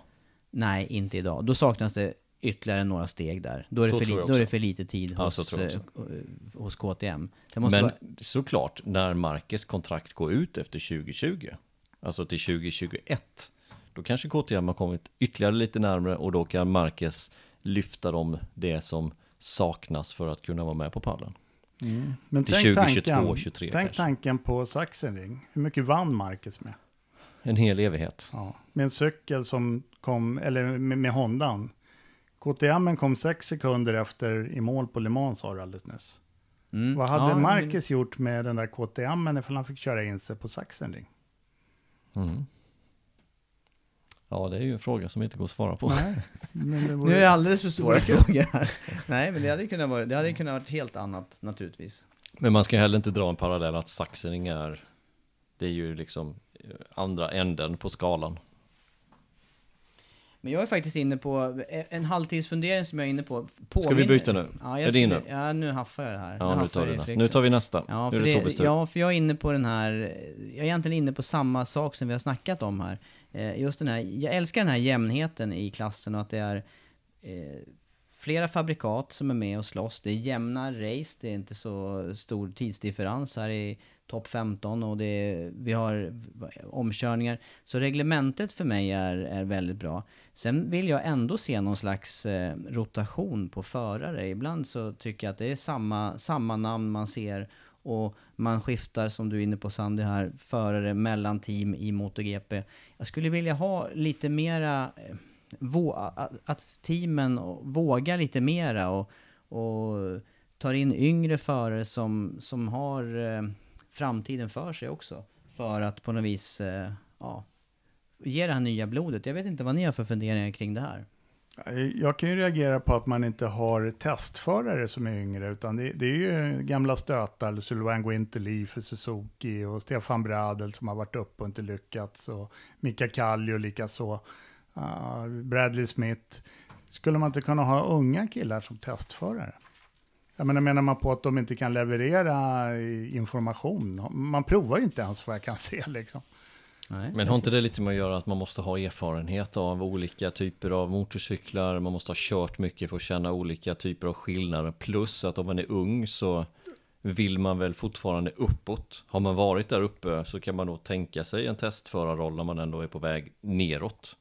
En ung förare kanske bara vill prestera för sig själv i en testförarroll och då slutar det med krascher och diverse. Ja, unge fransmannen är är ett lysande exempel på en kille som trots ringa erfarenhet verkar kunna leverera information så att cyklarna blir inställda. Jag vet hur man snackar om det där med att ha testförare som, som får köra race. Det är man inte helt pigg på från fabrikerna för att man vill, för man ser då att det blir eh, testarbete som ska mynna ut på något vis i en racehelg.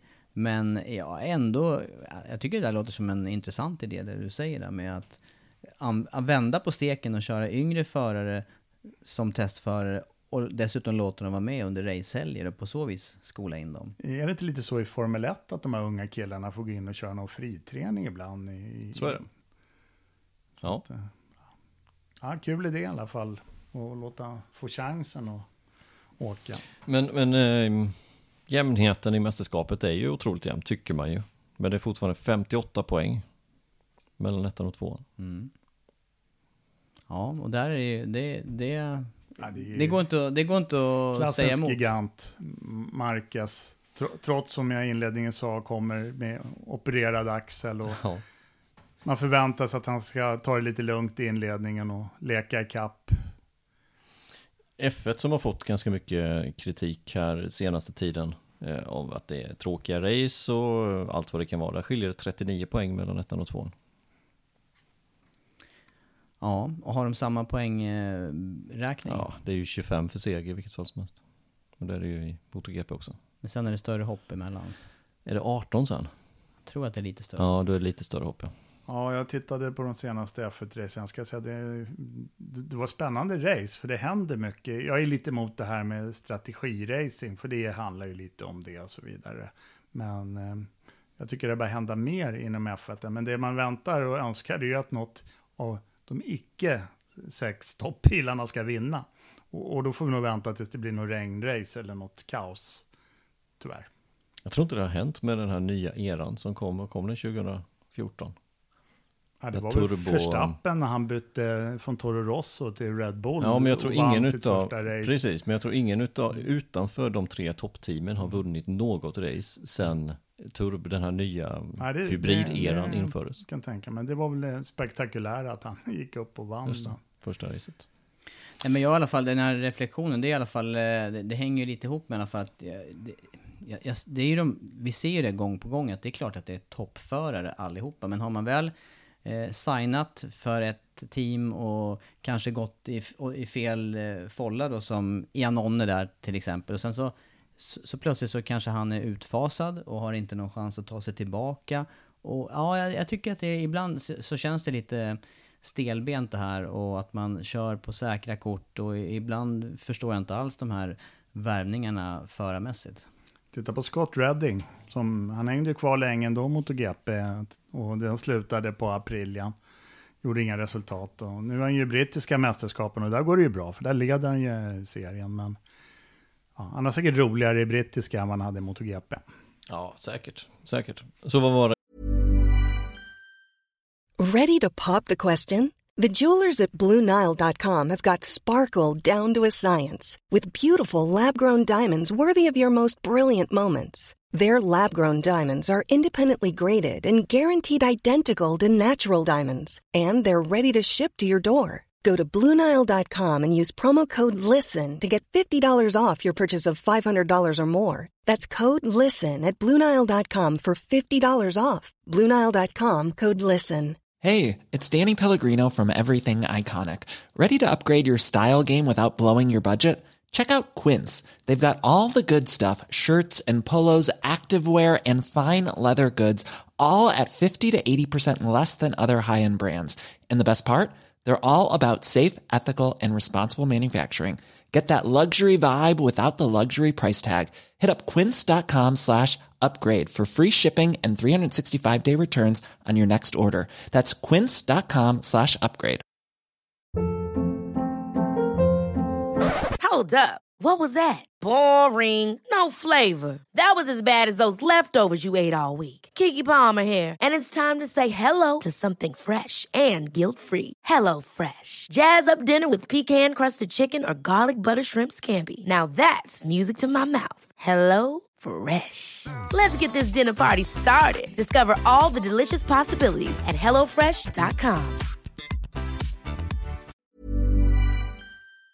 Reflektionen, jämnheten och att... Jag vill ju behålla den här jämnheten, men som sagt de här förarna som har eh, lite hoppat, i, hoppat på fel spår, Sarko eller eh, som fasas ur, de har ingen chans att komma tillbaka. Och sen så ser jag ibland att det är svårt för yngre förare att slå sig in på, på topppositioner eh, också. Det finns naturligtvis undantag, men det, å andra sidan så är det en liten... Får jag göra en reflektion på Gör, det? gör. Nu har inte det med MotoGP att göra, men eh, Kawasakis värvning av Leon Haslam.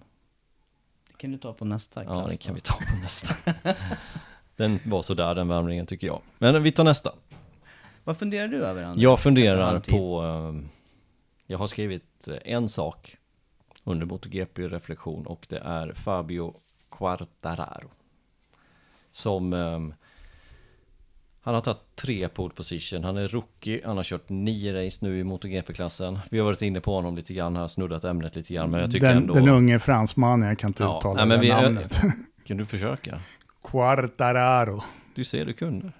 Nej men, ehm, jag kan inte, man kan inte, man måste ha mycket superlativ till honom helt enkelt. Jag kan inte sluta och ge honom det för att jag tycker att han har, han har tagit den här serien med storm och verkligen överlevererat. Ja, det, det går lätt att fylla i där. Jag tror också att eh, vi, vi börjar se lite kommentarer från Marquez eh, riktade mot eh, den unge fransmannen där som du säger, Sander. Jag, skulle, jag kommer ta över det för att det här är, det är också ett namn som jag snubblar på massor av gånger under året. Är, är det psykningar från Marcus? Eller? Jag tror att det börjar bli det redan, för han känner pressen och Quartararo har ju levererat i nivå med Marquez. Jag har inte helt jämfört deras, men, men han, han hotar ju Marquez eh, Ja, definitivt Ja, i, i statistiken här. Och det saknas ju bara lite segrar, men vi ska ju komma ihåg att Quartararo inte heller sitter i ett fabriksteam.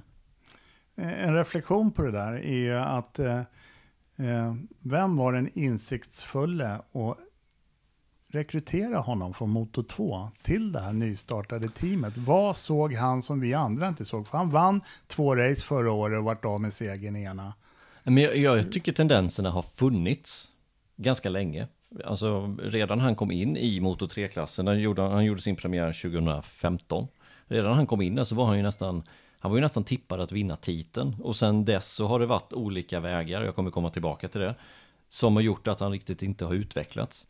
Eh, men jag läste en artikel om, eh, om just detta som någon hade skrivit där Wilko Selenberg blev intervjuad. Och då, då stod det helt enkelt att Vilko hade en lista på namn, Johan Stigefelt hade en lista på namn och översta namnet på båda de här listorna var samma och det var Quartararo.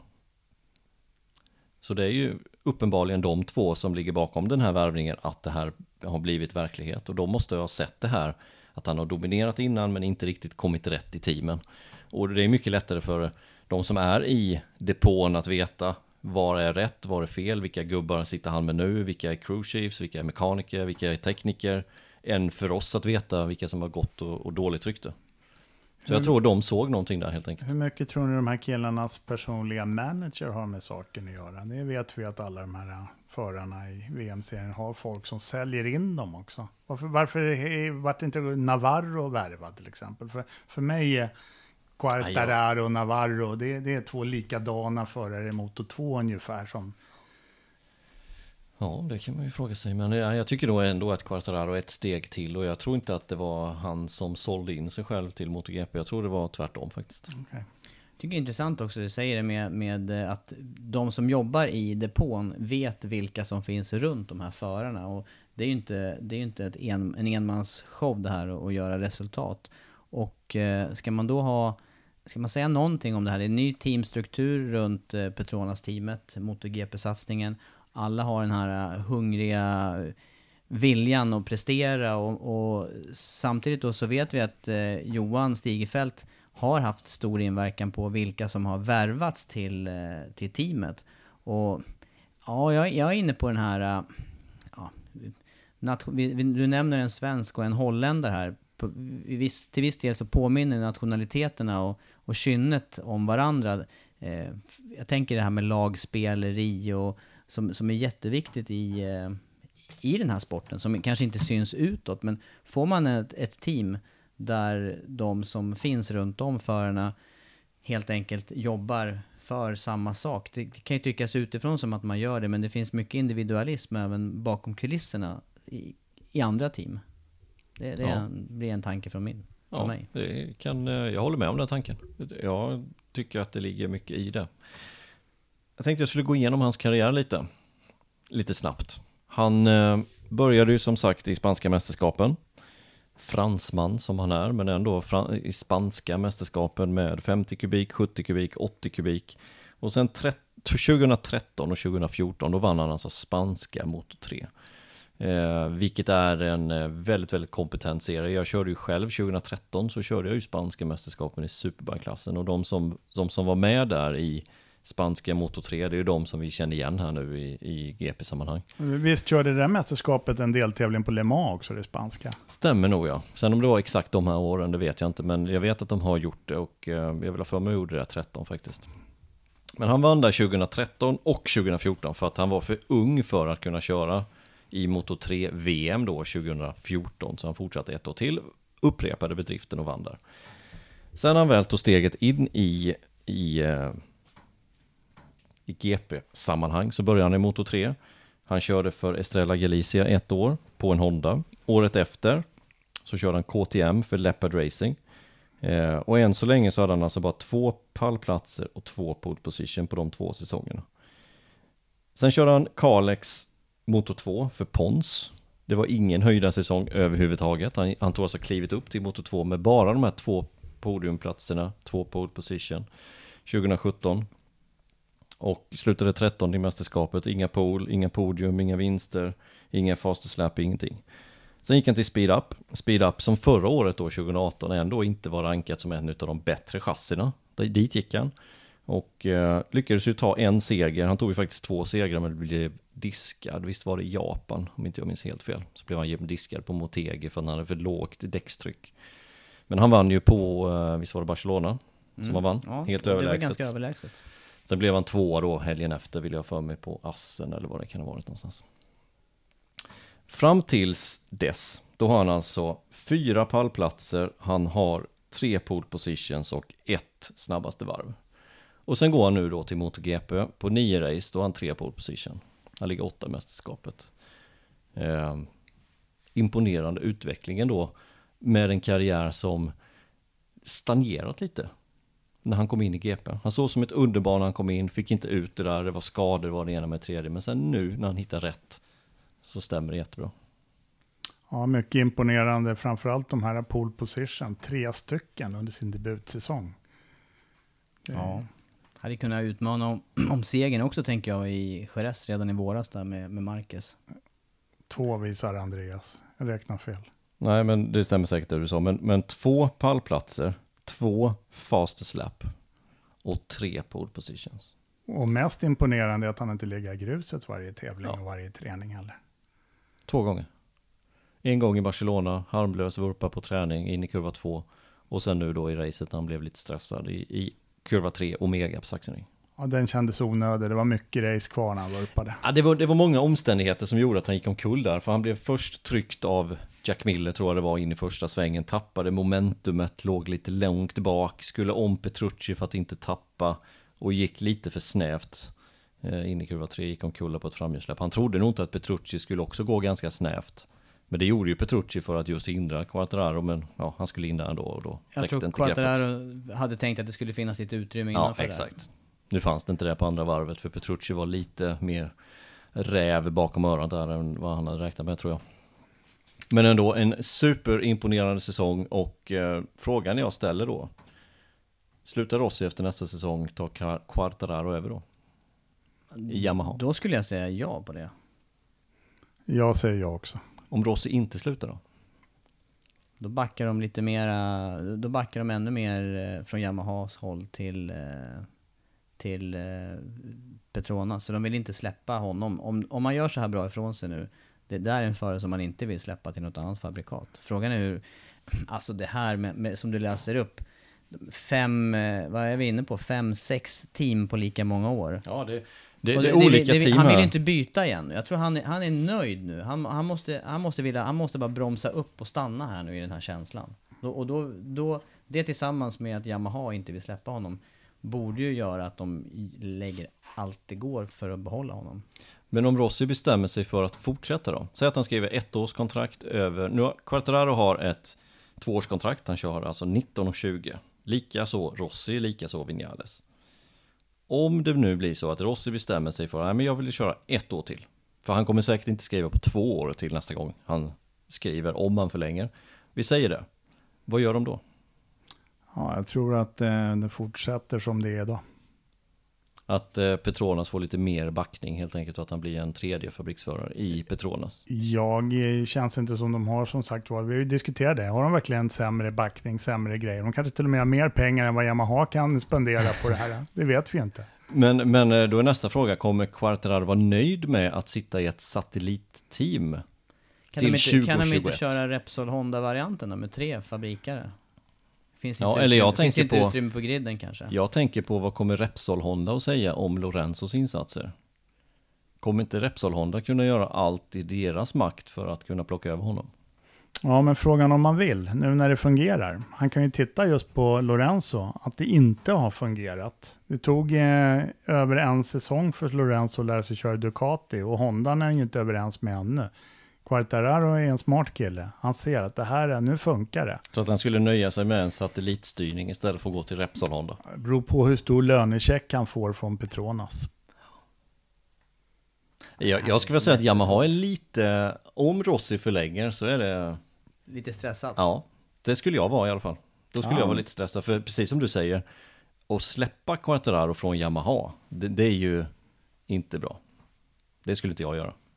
Nej, Men- man, har ju- man har men ju om redan Rossi- släppt, eh, alltså Sarko hade ju också kunnat blommat ut eh, om man eh, istället, ja. Ja, men skillnaden är ju med Sarko att han är ju tio år äldre. Ja, ja, ja, det är skillnaden. Det är en stor skillnad. Det Jag vill ju ha in en, det, är ju, det här är ju kul, det här är ju på Det är riktigt jätteroligt. Det är Men, men, jätteroligt. men visst blir det lite grann som när Suzuki ville ha kvar Vinales som hade tagit deras enda seger på Silverstone det året och Yamaha jobbade för att få över honom.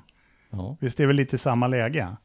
Fast jag tror ändå inte att Yamaha, eller att Suzuki kunde erbjuda dem pengarna som Vinales ville åt där. Utan att det var nog en bidragande orsak. Och så ville han ha en cykel som han visste han kunde vinna med. Det här är ju ett annat läge skulle jag säga.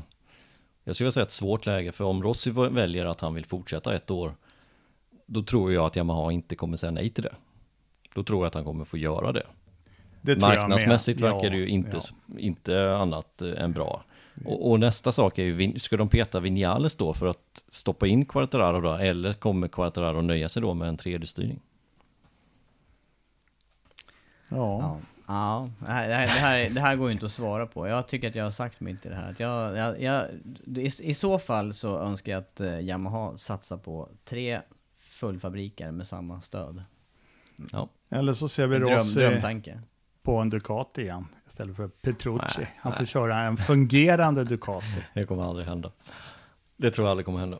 Eller så, Rossi sätter man, eller så sätter man Rossi på den här extra, han får någon extra styrning någonstans. Nej, jag vet inte. Det här är, det här är för svårt. Det här, det här är riktigt Men det, svårt. visst är det ett svårt läge? Ja, det är ett svårt läge. Mm, det har ju varit lite udda. Du var inne och snubblade på det med tre förare hos Repsol när eh, det var ju Dovi som hade något i I klausul. Ja. Kommer ni ihåg eh, Melander och Hayate-projektet också, när Kawasaki skulle dra sig ur? Det kan ju du med om det. Tobbe. men jag kommer ihåg att han- ja, ja, brandade om och målade cykeln svart. Ja, exakt. Och satte Melander på den, ja visst. Mm. Det går ju att... Men vad ska de skriva på, på Rossis då, eller? eller Quartararos? VR46 eller något Ja, sånt. ja. Jag tycker det är ett svårt läge vilket fall som helst. Intressant. De tangerar varandra de här ämnena ändå som vi funderar på. Vi, vi pratar om förare som är unga och vill in och slår igenom. Vi pratar om förare som kanske inte presterar och jag var inne på den här jämnheten och hur ska man värva förare? Det är ju lite, det är ju lite åt samma håll de här tankarna. Ja, men, men klart står ju ändå att eh, Quartararo är ju en, en utmanare till Marquez i eh, framtiden.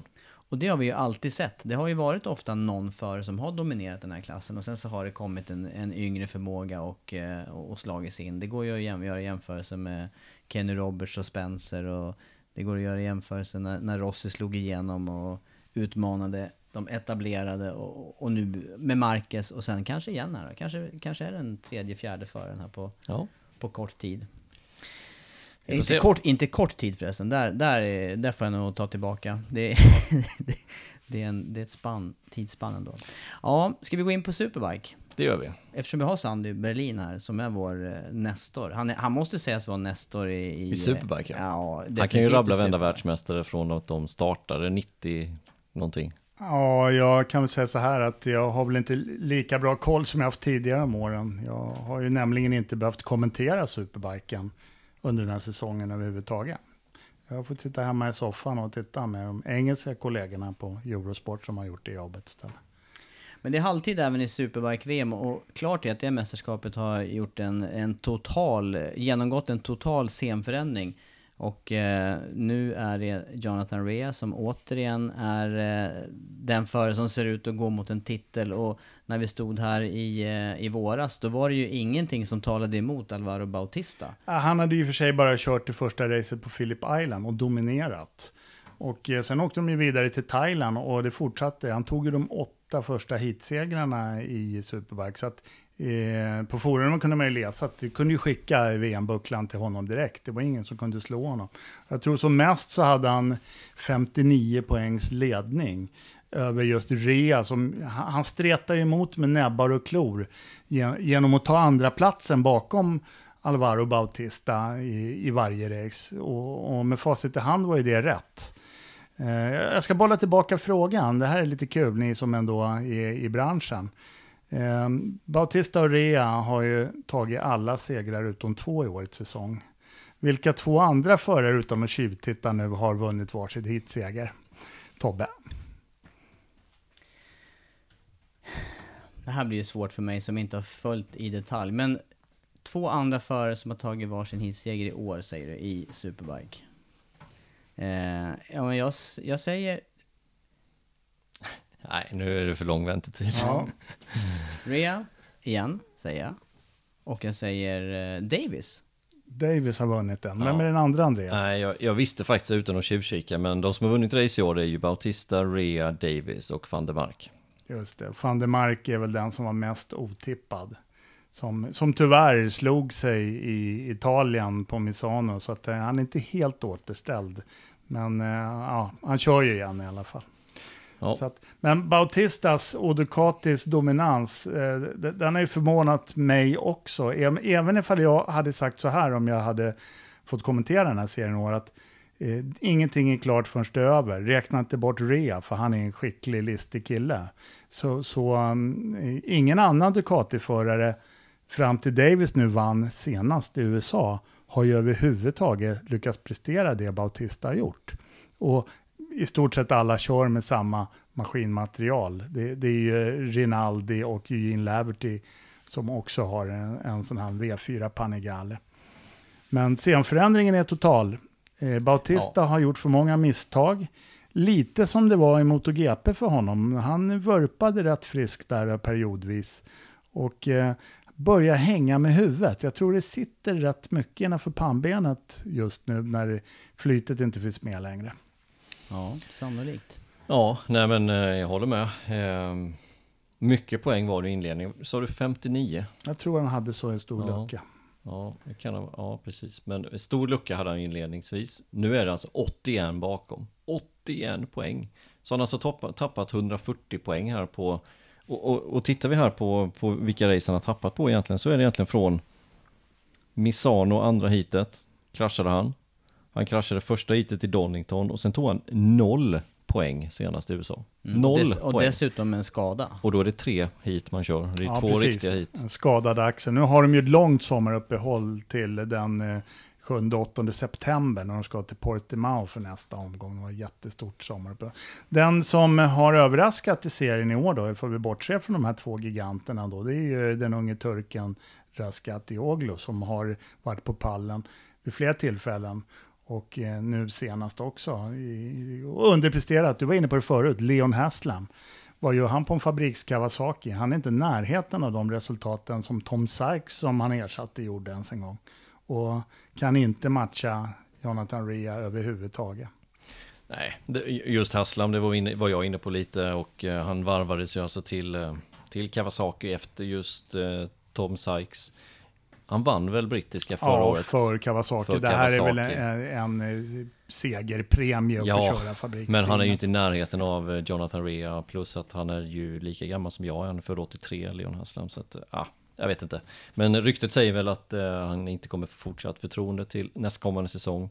Och eh, att de vill in en spanjor där istället. Och Tito Rabat ligger tydligen bra till för att kunna ta över den styrningen, har jag läst.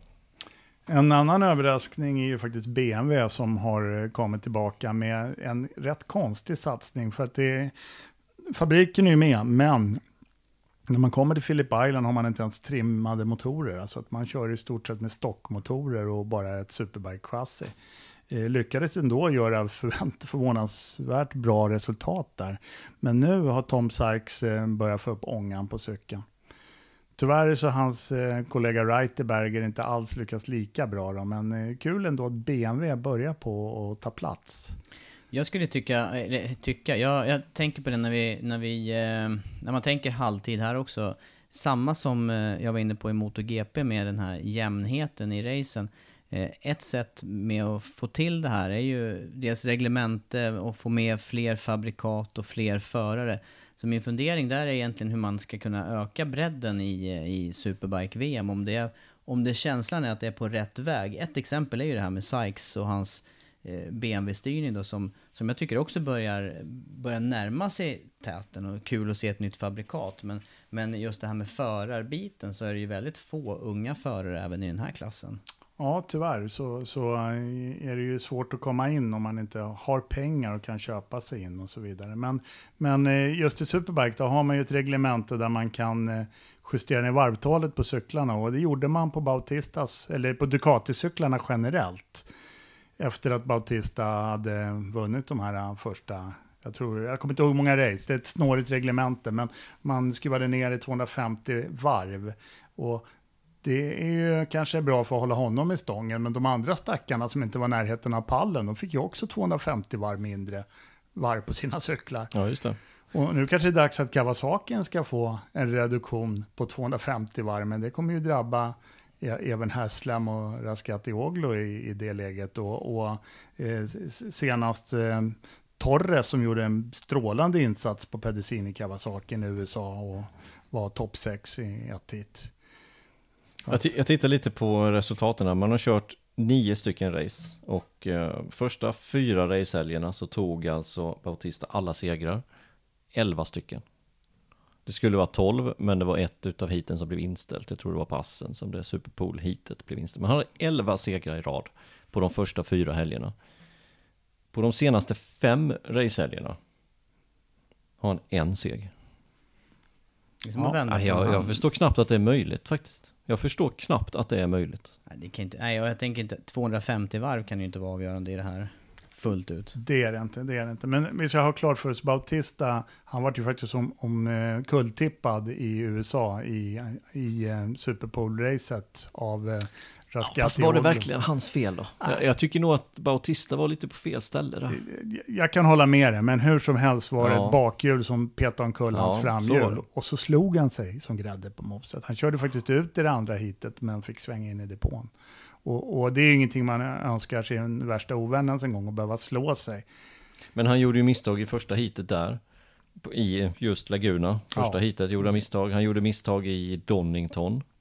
Där han också kraschade rätt utav heaten.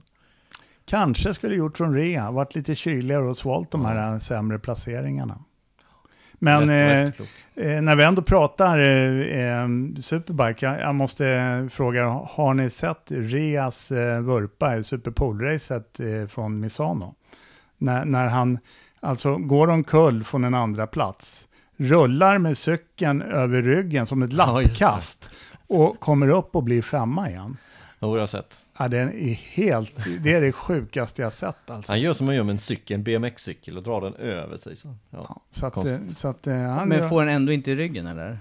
Nej, han, ligger släpper aldrig på, styret. nej, han ligger mer på rygg och bara drar den över sig från sida till sida egentligen och sen hoppar han på den igen. Den finns Nej, garanterat konstigt. på YouTube, så att eh, kolla Rea Crash med sån. Sista varvet var det va? Var det så? Nej, det var några varv kvar, så jag tror att han, han lyckades halta i mål i, eh, som femma från att lägga tvåa. Det är alltså tre personer som han passerade. Så, de, så överlägsna var han och Bautista då, även om Bautista i, i ledde när det här hände. Då. Det är alltså Rea som leder med 81 poäng till Bautista och sen är det Lowe's, Alex Lowe's på tredje plats. Tätt bakom sen är van der Mark, bara fem poäng efter Alex Lowe's. På båda de på Yamaha-cyklar.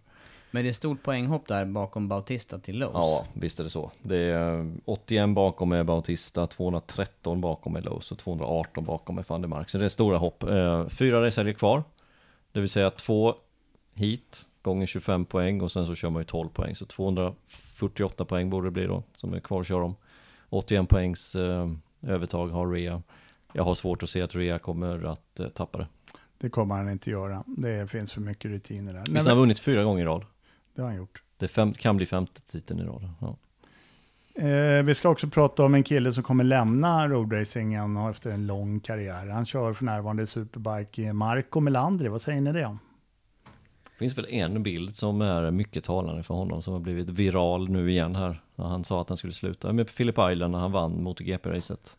När han kör eh, V-tecknet, det ryker om bakhjulet ut på start och mål. Ja, den är Är det inte så? fantastisk. Ja. Var det Fortuna Honda? Ja det kan vara? exakt, när kan det ha varit? Kan det ha varit 2006 kanske? Jag kommer ihåg det fast jag inte sett den här bilden nu då. Det är klart Men, jag har eh, sett bilden. Den där har man ju klippt in lite här och där i jinglarna. Så att, Nej, eh, jag, nej, inte i modern tid. Jag kommer ihåg Va? racet. Nej.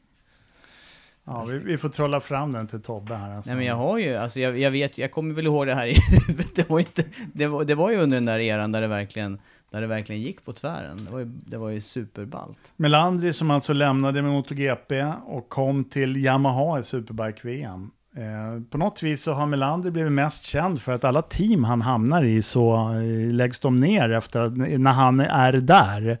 Eh, det var ju likadant, Yamaha drog sig ur Superbike-VM och så hoppade till BMW, drog sig ur Superbike-VM. Ja, ja, Kawasaki då, Hayate, vi pratade om tidigare. Drog sig ur, Melander var piloten, Yamaha drog sig ur, han var piloten. BMW drog sig ur, han var piloten. Stolpe ut många Stolpe gånger. ut många gånger. Och förra året körde han alltså i eh, Ducatis fabriksteam och, och vart då ersatt i år av just Bautista. Och Melander började fjolårssäsongen med dubbelseger på Philip Island här för mig. Med en wobblande Ducati V2 Panigale. Sen eh, sjönk ju resultaten efter säsongen. Och så som sagt var ersattes han av Bautista till i år. Vilket man inte kan säga var en felaktig satsning då med, med den inledningen. Men eh, han slutar. Han lägger hjälmen på hyllan efter, eh, är det 19 säsonger eller någonting? Kan nog stämma. Ja, Och, eh, det är ja. väl dags kanske. Och eh, när vi ändå pratar om Melander, vi pratar om den här Fortuna Hondan, men kommer ni ihåg när han var Spiderman på Mm, jag ihåg Mugello? på. Ja, Ja. Det är klart häftigaste lackeringen jag har sett i MotoGP-sammanhang. När man alltså hade, det var väl i Playstation 2 som lanserade Spiderman-spel. Mm, det var läckert. Som hela skinnstället var Spindelmannen direkt och hjälm och cykel lackad. Jag undrar om inte det här var, på- var, det ett enda tillfälle? För jag har för mig också att det var på Estoril. Men det, det, det kan, det kan, det kan min svika mig. Men jag minns väl hur den såg ut den här cykeln i alla fall. Rött Ja. och blått där. Men, nej, men det jag tycker också, det är väl, det är väl läge då att växla över till, till andra före. Men, men era funderingar halvtidsmässigt, jag vet inte om vi har... Vad, vad, vad, Har du kört in det Ja, det var den här med bredden. Ja. Jag, jag funderade över hur man skulle få in eh, nytt blod och så vidare, men vi konstaterar att det är inte så. Det är, inte, det är en eh, ganska så eh, tydlig topp i mästerskapet här med en förare hos Cava, en förare hos Ducati som verkligen lyckas. Och jag är ändå lite eh, undrande kring det här med tanke på reglementet som finns där man ändå då kan, som du säger, justera varvtal och vidare, att man inte får in fler förare i toppen.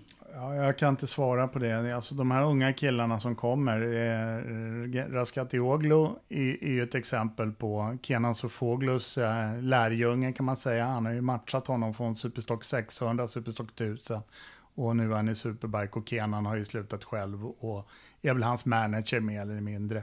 Eh, Rinaldi Ducatis Arubas juniorteam kör nu för eh, barn Barney Racing, ersatte Javi Forres. Har inte riktigt blommat ut på nya cykeln, men var en kille man trodde skulle ta steget upp, kanske i år.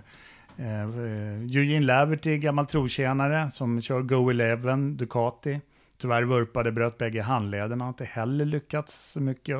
Det är ju ingen ung förare heller, men ja, jag, jag vet faktiskt inte. Eh, Det känns som man måste lyckas i nationella mästerskap, de spanska till exempel, italienska, och, och sen ha pengar, pengar med sig.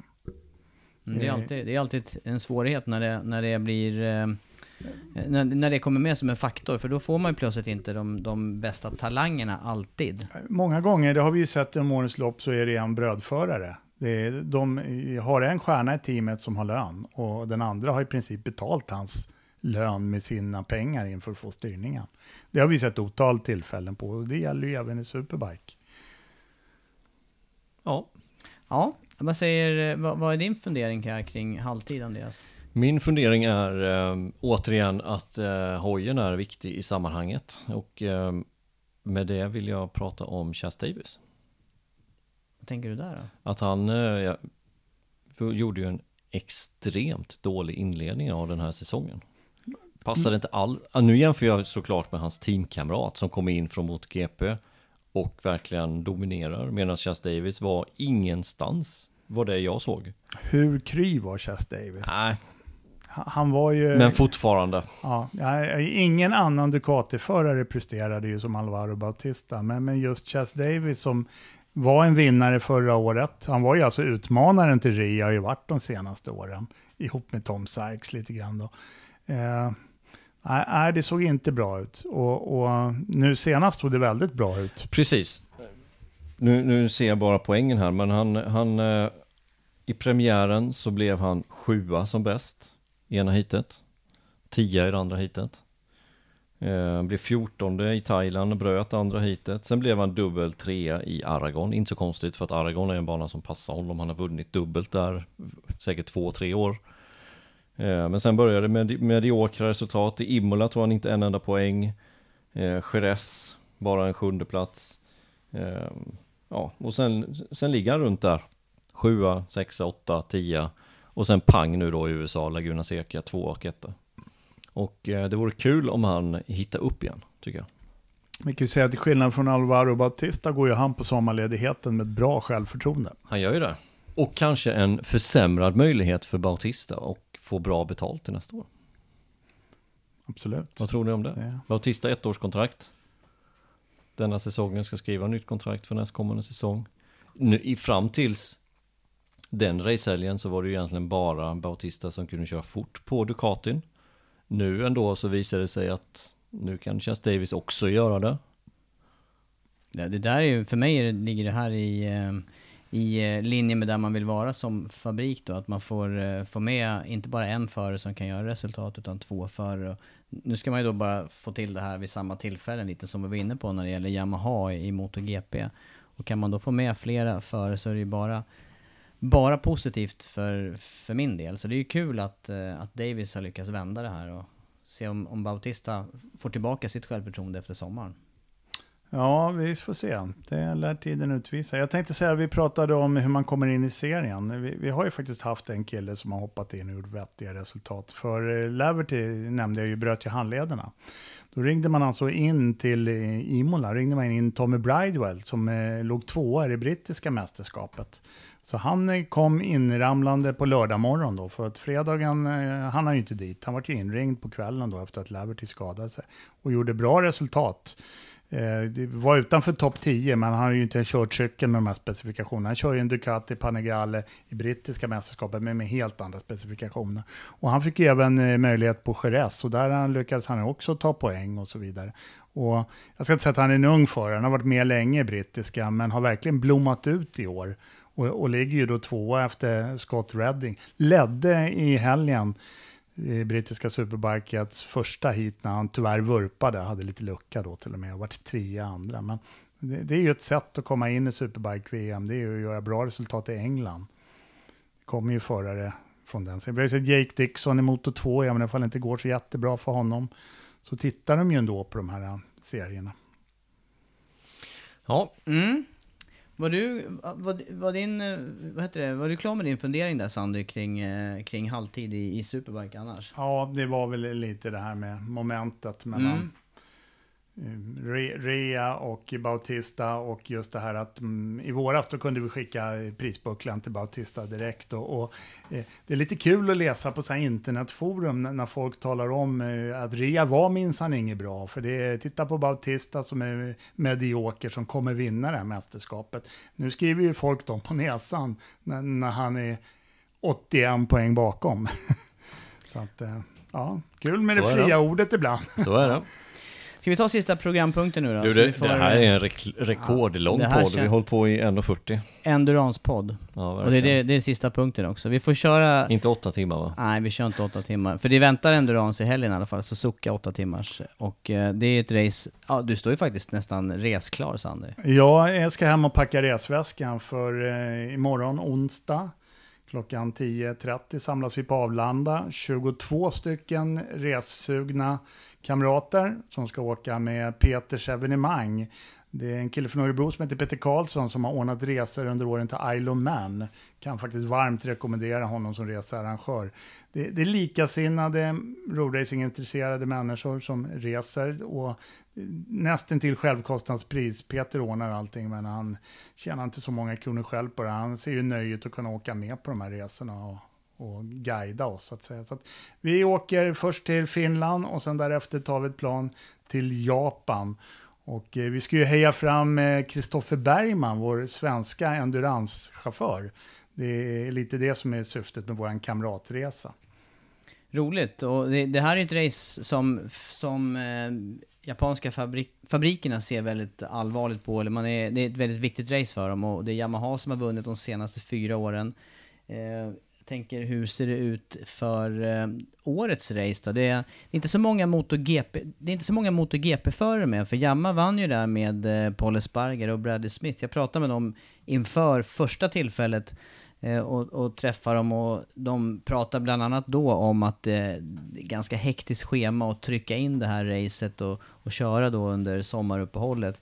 Eh, vi ser några testförarnamn med i startlistan i år, men, men i övrigt då, vad, vad kan man förvänta sig av årets race här, Sander? Jag tror många vill eh, ta ifrån Yamaha-segern till året och inte minst Kawasaki. De har eh, dessutom VM-ledningen. Det franska Kawasaki-teamet SRC leder inför, det här är finalen ska vara klart för oss, för att Endurance-VM, de kör ju ett brutet år, så att nästa tävling som är Boldor i september, det är den första deltävlingen i 2020 års mästerskap. Och så har det varit nu under några år, för man vill ha finalen här på Suzuka. Och finalen Suzuka går ju alltid den här helgen, den, runt den 28-30 juli, sista helgen i juli.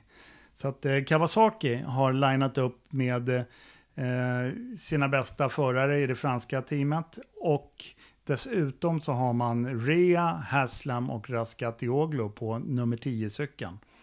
Så att det är ren fabrikssatsning. Och, de kommer såklart försöka hjälpa det andra teamet till VM-segern, men de kommer också försöka vinna tävlingen. Det här, det här är ett strategilopp. Men det är lite roligt att du säger Kawasaki här, för det här är ju Honda-mark annars. Det är Hondas, eh, det är Hondas bana vad jag vet, som, eh, där, man, där man har dominerat. Ja. Stämmer inte det här? Du rynkar lite på pannan. Nej, det stämmer. Det är Honda som äger det här loppet. Och, eh, De äger loppet alltså? Eller äger banan. Det är, det är Ä- Honda-mark som Tobbe säger. Äger de den här banan också? I För alla de, fall, äger, ja. de äger ju Motegi. Ja, det är ju deras, där de har museum och det. Men, det, men klassiskt så är det Suzuka som är Hondas bana. Och eh, nej, eh, Honda, de, De, har ju de satsat. lägger mycket krut på det här racet. De lägger mycket krut på det här racet. Vi, vi såg ju Stoner och Jack Miller har ju kört från MotoGP. Ingen av dem är dock med i år, ingen är Honda-förare längre. Eh, så att eh, det, det här är, bortsett från MotoGP och kanske Superbike-VM-titeln, så är ju det här det viktigaste racet på året. Det här, det här är ju endurance-racet man vill vinna. Och det är ju väldigt sällan vi har sett eh, något av de ordinarie endurance-VM-teamen ta hem totalsegern här. Jag vet också att det är kritiskt med eh, vilket däck man kör på på den här banan. I alla fall har det varit så genom, eh, genom åren. Jag minns inte vilket av fabrikaten som är det vassaste här, men, men eh, det, det har varit väldigt kritiskt. Men eh, Andreas, enduransåkning, eh, intresserar det? Intresserar det? Absolut, jag ska försöka titta på det här racet. Det är ändå väldigt många bra förare som är med. Och när vi pratar Honda, vad har de som utmanar? De har ju första, de som vann förra året, Yamaha, eller Honda France. Ja, så? stämmer. Som vann hela serien då. Ja, vi- exakt. Eh, Demeglio, Foray och Hook. Ah, tveksamt om de kan vara med och vinna på söndag va? Ja, Jag tror inte att de är, det finns vassare team och chaufförer. Nästa Honda-team då, som är Red Bull Honda nummer 33. Takahashi, Kiyonari, Bradel.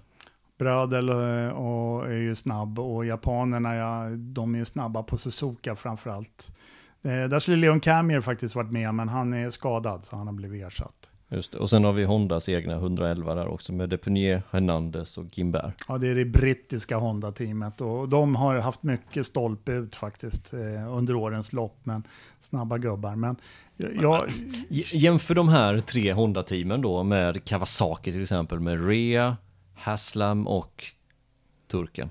Raskatioglu. ja, Det, det, nej. det, de eh, låter ju lite vassare i mina öron. Ja, på pappret är de det, men vi ska inte heller glömma Yamaha då med Nej, Nakasuga, nej, nej, men- Lowe's och van Mark. Absolut, Mm. men om vi pratar Hondas och de ska göra en satsning och det var deras bana och allt så här. Mm. Ja, du, du hade velat se Lorenzo, Marquez och Bradel i, Ja, det hade jag ju såklart. Eh, Eller Crutchlow. eller Crutchlow. Ja. Cra- Crashlow. Eller kanske Nej. till och med Nakagami, japan. Ja. Varför inte?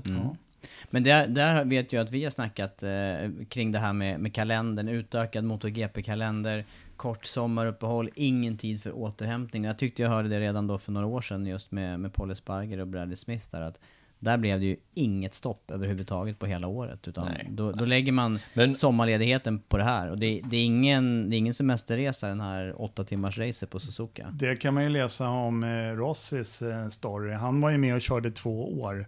Eh, 2000 och 2001 tror jag. Och, och han hade sett fram emot att åka det här. Eh, och skrev ju kontrakt. Men efter första året ville han ju egentligen inte åka en gång till. Det var för jobbet helt enkelt. Och eh, fysiskt pressande. Och det gick ju inget bra första året. De kraschade ju ut sig.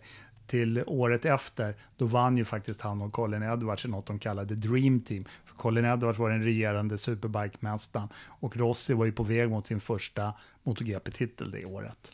Ja, jag, vet, jag vet att? Rossi sa det i alla fall. Nu, nu, han sa ju till Edwards inför det där racet att det, se till nu och bara vinn, för, att vi vinner det här racet så, det inte, så jag slipper komma tillbaka hit. Jag vill inte köra här längre. För, för jobbigt, för, för fysiskt påfrestande. Vad tänkte du Men om man, nej men eh, lägg till en vecka till i sommaruppehållet och gör det eh, obligatoriskt då. Ja. Eller obligatoriskt, inte så jag menar, men ge- ger möjligheten på ett annat sätt i alla fall att, att tillverkarna kan plocka in Men då, är, då är jag inne på det här igen då, om man nu ska ha säkerhetstänk på det här, för att då blir det ju Ja, ändå jo. det här, då kommer, då, kommer, då kommer de riktigt snabba förarna från MotoGP då. Eh, och sen, då blir det stora fartskillnader. Och det är redan ganska så stor tidsdifferens på den här banan. Det är många japanska team med japanska förare som inte håller bättre standard än vad de kör på Karlskoga nu i helgen i SM. Alltså som inte alls är den nivån som de här i täten är. Det, är. det är rejäla fartskillnader. Men det här loppet, det är ju lite magiskt hela loppet. Tobbe, du har varit där. Andreas där, har inte till. varit där, men han kommer Tyvärr. kanske komma dit en vacker dag. Alltså det börjar 11.30 lokal tid och eh, det går i mål 19.30 lokal tid. Och det gör att sista timmen går i mörker. För det, där är det inte som här att det skymmer, utan där stänger man av lampan så blir det mörkt på 30 minuter. Så alla cyklarna går i mål. Och det är fullt på läktarna. Huvudläktaren går inte att köpa biljetter till, utsålt. Och många läktarna, det brukar komma över 100 000 åskådare. Det är inte helt fullt för Suzuka sväljer fler. Men och alla, de delar ut sådana ljusstavar eh, under eh, sista timmen. Så att alla på läktarna sitter där uppe. På Kawasaki-sektionen kanske det sitter 10 000 människor med gröna lampor. På Yamaha är de blåa. Honda är röda och Suzuki vad de nu har för färg. Och, och, och vinka med de där. Men arrangören kan tvångsköra de här lamporna. Så när, när, när, när målgången sker eh, och de kommer förbi på segervarvet och så vidare, då är helt plötsligt alla lampor gröna ifall det kan vara saker som har vunnit eller kommer förbi, eller blåa för Yamaha. Och det är som en stor rockshow, alltså i mörkret. Det kommer ut förare och det skjuts glitter och det är rökmål och det är rock'n'roll-musik. Ja, det går inte att beskriva. Det är så, håret står på armarna. Det, det är det häftigaste jag någonsin har sett, den här prisceremonin som är efter eh, det här eh, Coca-Cola, Suzuka, 8 hour ja, det spars inte på krutet. Nej, och jag, jag, tycker också uppladdningen där med, jag var helt fascinerad över att man kör Superpole. Jag minns inte hur många förare som körde Superpole det året, men just för, för ett endurance-race så skickar man alltså ut, eh, säg att det var de 20 bästa teamen från ja, träningarna. Special stage Superpole. Och, och, då kör mm. alla förare i de 20 teamen Superpole. Alltså det är ju en hel eftermiddag, en hel dag upplevde det som med, med Superpole-varv, bara för att mata fram startordningen då. Som egentligen är rätt ointressant. Ja, egentligen är det det. jag menar, du ska åtta köra timmar. åtta timmar, ja. Mm. Vi ja, kanske ska passa på att dra det där. Men går, att, det, eh, går att, att se det? Ja, det var det jag tänkte komma till. Eh, söndag morgon, 28 juli, 04.15 så startar sändningarna. Och, eh, eh, jag och Äpplet är där, vi kommer inte kommentera någonting, vi kommer bara där och stryka runt. Men de engelska kommentatorerna kommer ju guida alla som är pigga och vill följa racet hela vägen till mål. Så att eh, 12.00 tror jag de slutar sändningen och då är det prisutdelning och så vidare. Sen ska vi prata lite grann om Kristoffer Bergman. Ja, jag tänkte det också. Det är ju, det är ju jätteroligt med svenskt på, på startlinjen och Kristoffer Bergman har ju dessutom farten och, och möjligheten att göra bra resultat.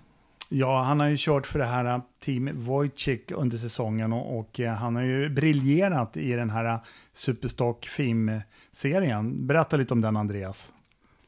Ja, men det är väl den serien som uh, tog över efter FIM-cupen som gick tillsammans med Superbike-VM. Jag tror till och med att de har EM-status i den, är det inte så? Jag tror, jag tror det stämmer. Ja.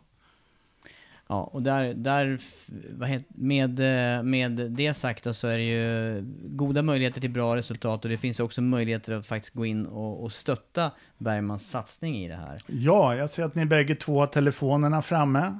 Vi har faktiskt gjort en liten insamling för att stödja Kristoffer. Han gjorde en GoFundMe-sida en sån här sponsor me och eh, målet var att få in 50 000. Han fick in 40 på den innan den stängde lite drygt.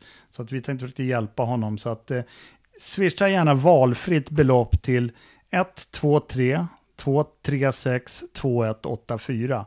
Det går till Peters evenemang och eh, vi kommer samla in pengar och har gjort det över Facebook faktiskt för att ge honom en eh, ja, check på de pengarna på startlinjen på Suzuka på söndag morgon. Vi ska också försöka livesända på Facebook så att håll ögonen på Kristoffer Bergmans Facebook-sida. För där ska vi försöka få ut det här när vi livesänder. Och missa framförallt inte tävlingen på söndag morgon. Nej, gäller faktiskt då, eller gäller. Det, jag, jag tänker försöka själv se några utav sändningarna där. Det brukar vara lite upphackat. Jag vet inte om man sänder hela racet i år. I jo, det är från start till mål. Det är ju reklamavbrott stup i kvarten, men det, det, får man leva med. Och eh, Eh, det brukar bli spännande det här loppet. Det är ju lite annorlunda och vädret ser nu bra ut, men i, när vi tittade innan vi skulle åka, då var det sådana stormar och elände. Och det kan komma in regn, men i och med att det är så varmt så torkar det fort också. Och endurance, som du Tobbe har mycket erfarenhet av, det är en lagsport väldigt spektakulär. Jag ska också nämna att eh, sbracing.se, det är min hemsida. SB står för Sander Berlin och sbracing.se ett ord. Där har jag en chatt och vi kommer hålla den chatten öppen under träningar och racet. Så att ställ frågor, heja på Kristoffer. Eh, finns även en länk till den här insamlingen som ni gärna får hjälpa till med och swisha pengar på. Så att vi kommer försöka, trots att vi inte kommenterar det och kan heja på honom från Eurosport Studio här i Stockholm, så kommer vi försöka supporta honom i det här racet. Och, och teamet har goda chanser och, och göra bra resultat. Det, det, är snabba killar som kör helt enkelt. Ja. Gino Rea och vad var det, Mark Skopek. Och Kristoffer Bergman. Startnummer 77. Och eh, ja, tippa racet då.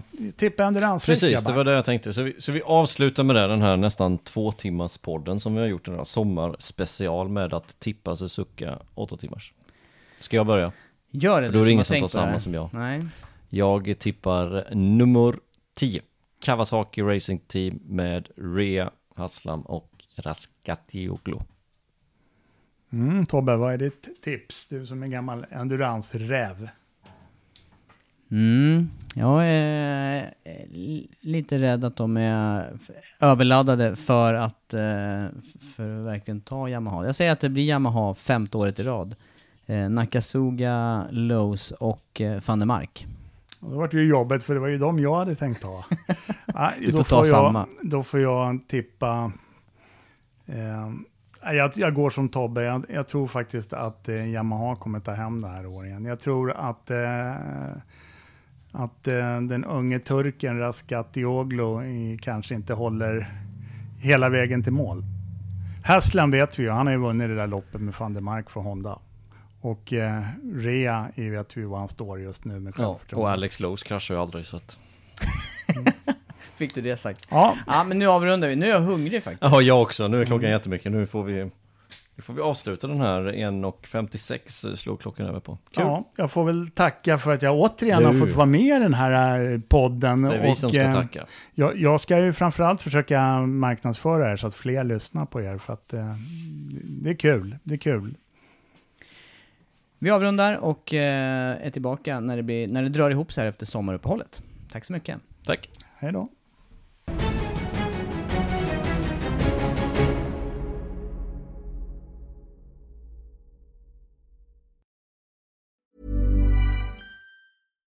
Hi, I'm Daniel, founder of Pretty Litter. Cats and cat owners deserve better than any old-fashioned litter. That's why I teamed up with scientists and veterinarians to create Pretty Litter.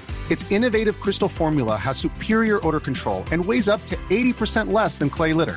Pretty Litter even monitors health by changing colors to help detect early signs of potential illness. It's the world's smartest kitty litter.